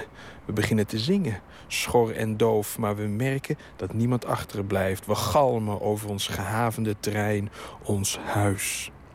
Masselink, Keizer, Boon, Walewijn, Pilke, Stroeve, Graustra. Dit zijn de namen van de oud-kwekelingen op de steen. 40, 45. We zijn er altijd jaloers op geweest. Dit is onze glorie. Elke minuut brengt ons dichter bij onze houten jekker... die veranderen zal in het eeuwige marmer van ons in memoriam. Wij zijn de gelukkige uitverkorenen. In mijn verhaal beschrijf ik een invasie. Uh, er is een invasie in Nederland en het terrein wordt bestormd door onbekende krachten. Ik dacht dat is een manier om de plek te onthullen waarvoor die uiteindelijk is gebouwd. Om iets te zeggen over de mannen die hier rondlopen. Over hoe je omgaat met traditie. Hoe je omgaat met je dromen van glorie. Dit is een stoere mannenplek. En uh, het draait om strijd. En daar wilde ik het ook eens over hebben. Het moest uh, aankomen op de mannen op dit terrein. Uh, wat gebeurde er? Hoe zou het voelen? Wat, uh, wat zou er in actie komen op dat moment? Word je, blijk je een lafaard of blijk je de moedigste figuur die ooit heeft bestaan? Daar, daar was ik mee bezig. Dat, dat spookte in mijn hoofd. We eindigen de wandeling in een café tegenover de marine. Aan de overkant branden een paar lantaarns. Dat is alles. Het zou ook nog moeten blijken hoe het veroverde stukje stad zich de komende jaren zal ontwikkelen. Sjoerd ter Borg vertelt dat hij bij elk verhaal interactieve kaarten gemaakt heeft. En dat die, samen met de verhalen, te vinden zijn op de website van het project Het Land Binnen de Muren. Met die kaart wil ik eigenlijk mensen de mogelijkheid geven om het terrein te ontdekken, maar ook op een andere manier over het terrein te laten nadenken. Net zoals het verhaal eigenlijk doet. Dan zie je dat die fictieve wereld eigenlijk een heel speciale relatie heeft met die wereld die hier, ja, de wereld van het terrein die hier echt voor ons ligt.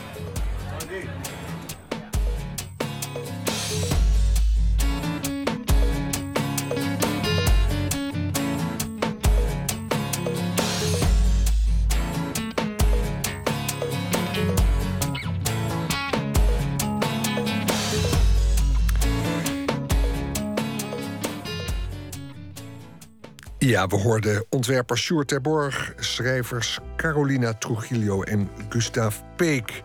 En zij liepen, als gezegd, langs het marineterrein in Amsterdam. De verhalen zijn te lezen en de interactieve kaarten te bekijken op www.hetlandbinnendemuren.nl.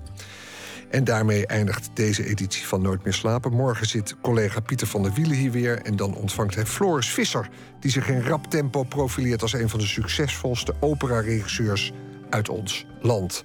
Zo is hij dit seizoen internationaal doorgebroken met Cosi van Toete aan de Bolshoi Opera en met Puccini's La Bohème in Duitsland. En hij krijgt het ook het najaar enorm druk. Verder is er aandacht in Nooit meer slapen voor de documentaire Deal With It, waarin Shamira Rafaela een persoonlijk portret van haar familie schetst. Haar leven als succesvol televisieregisseur staat in schril contrast met dat van haar drugsdealende, heroïnende, heroïneverslaafde vader en broer. Documentaire die deze week op de televisie te zien is. Wie weet tot morgen of anders later. Hier volgt nu het nieuws van twee uur. En daarna de EO met Dit is de Nacht bij monden van Maarten Hag en Anne Kuik. Wij zijn er dus morgen weer. Wie weet tot dan of anders later. Dag.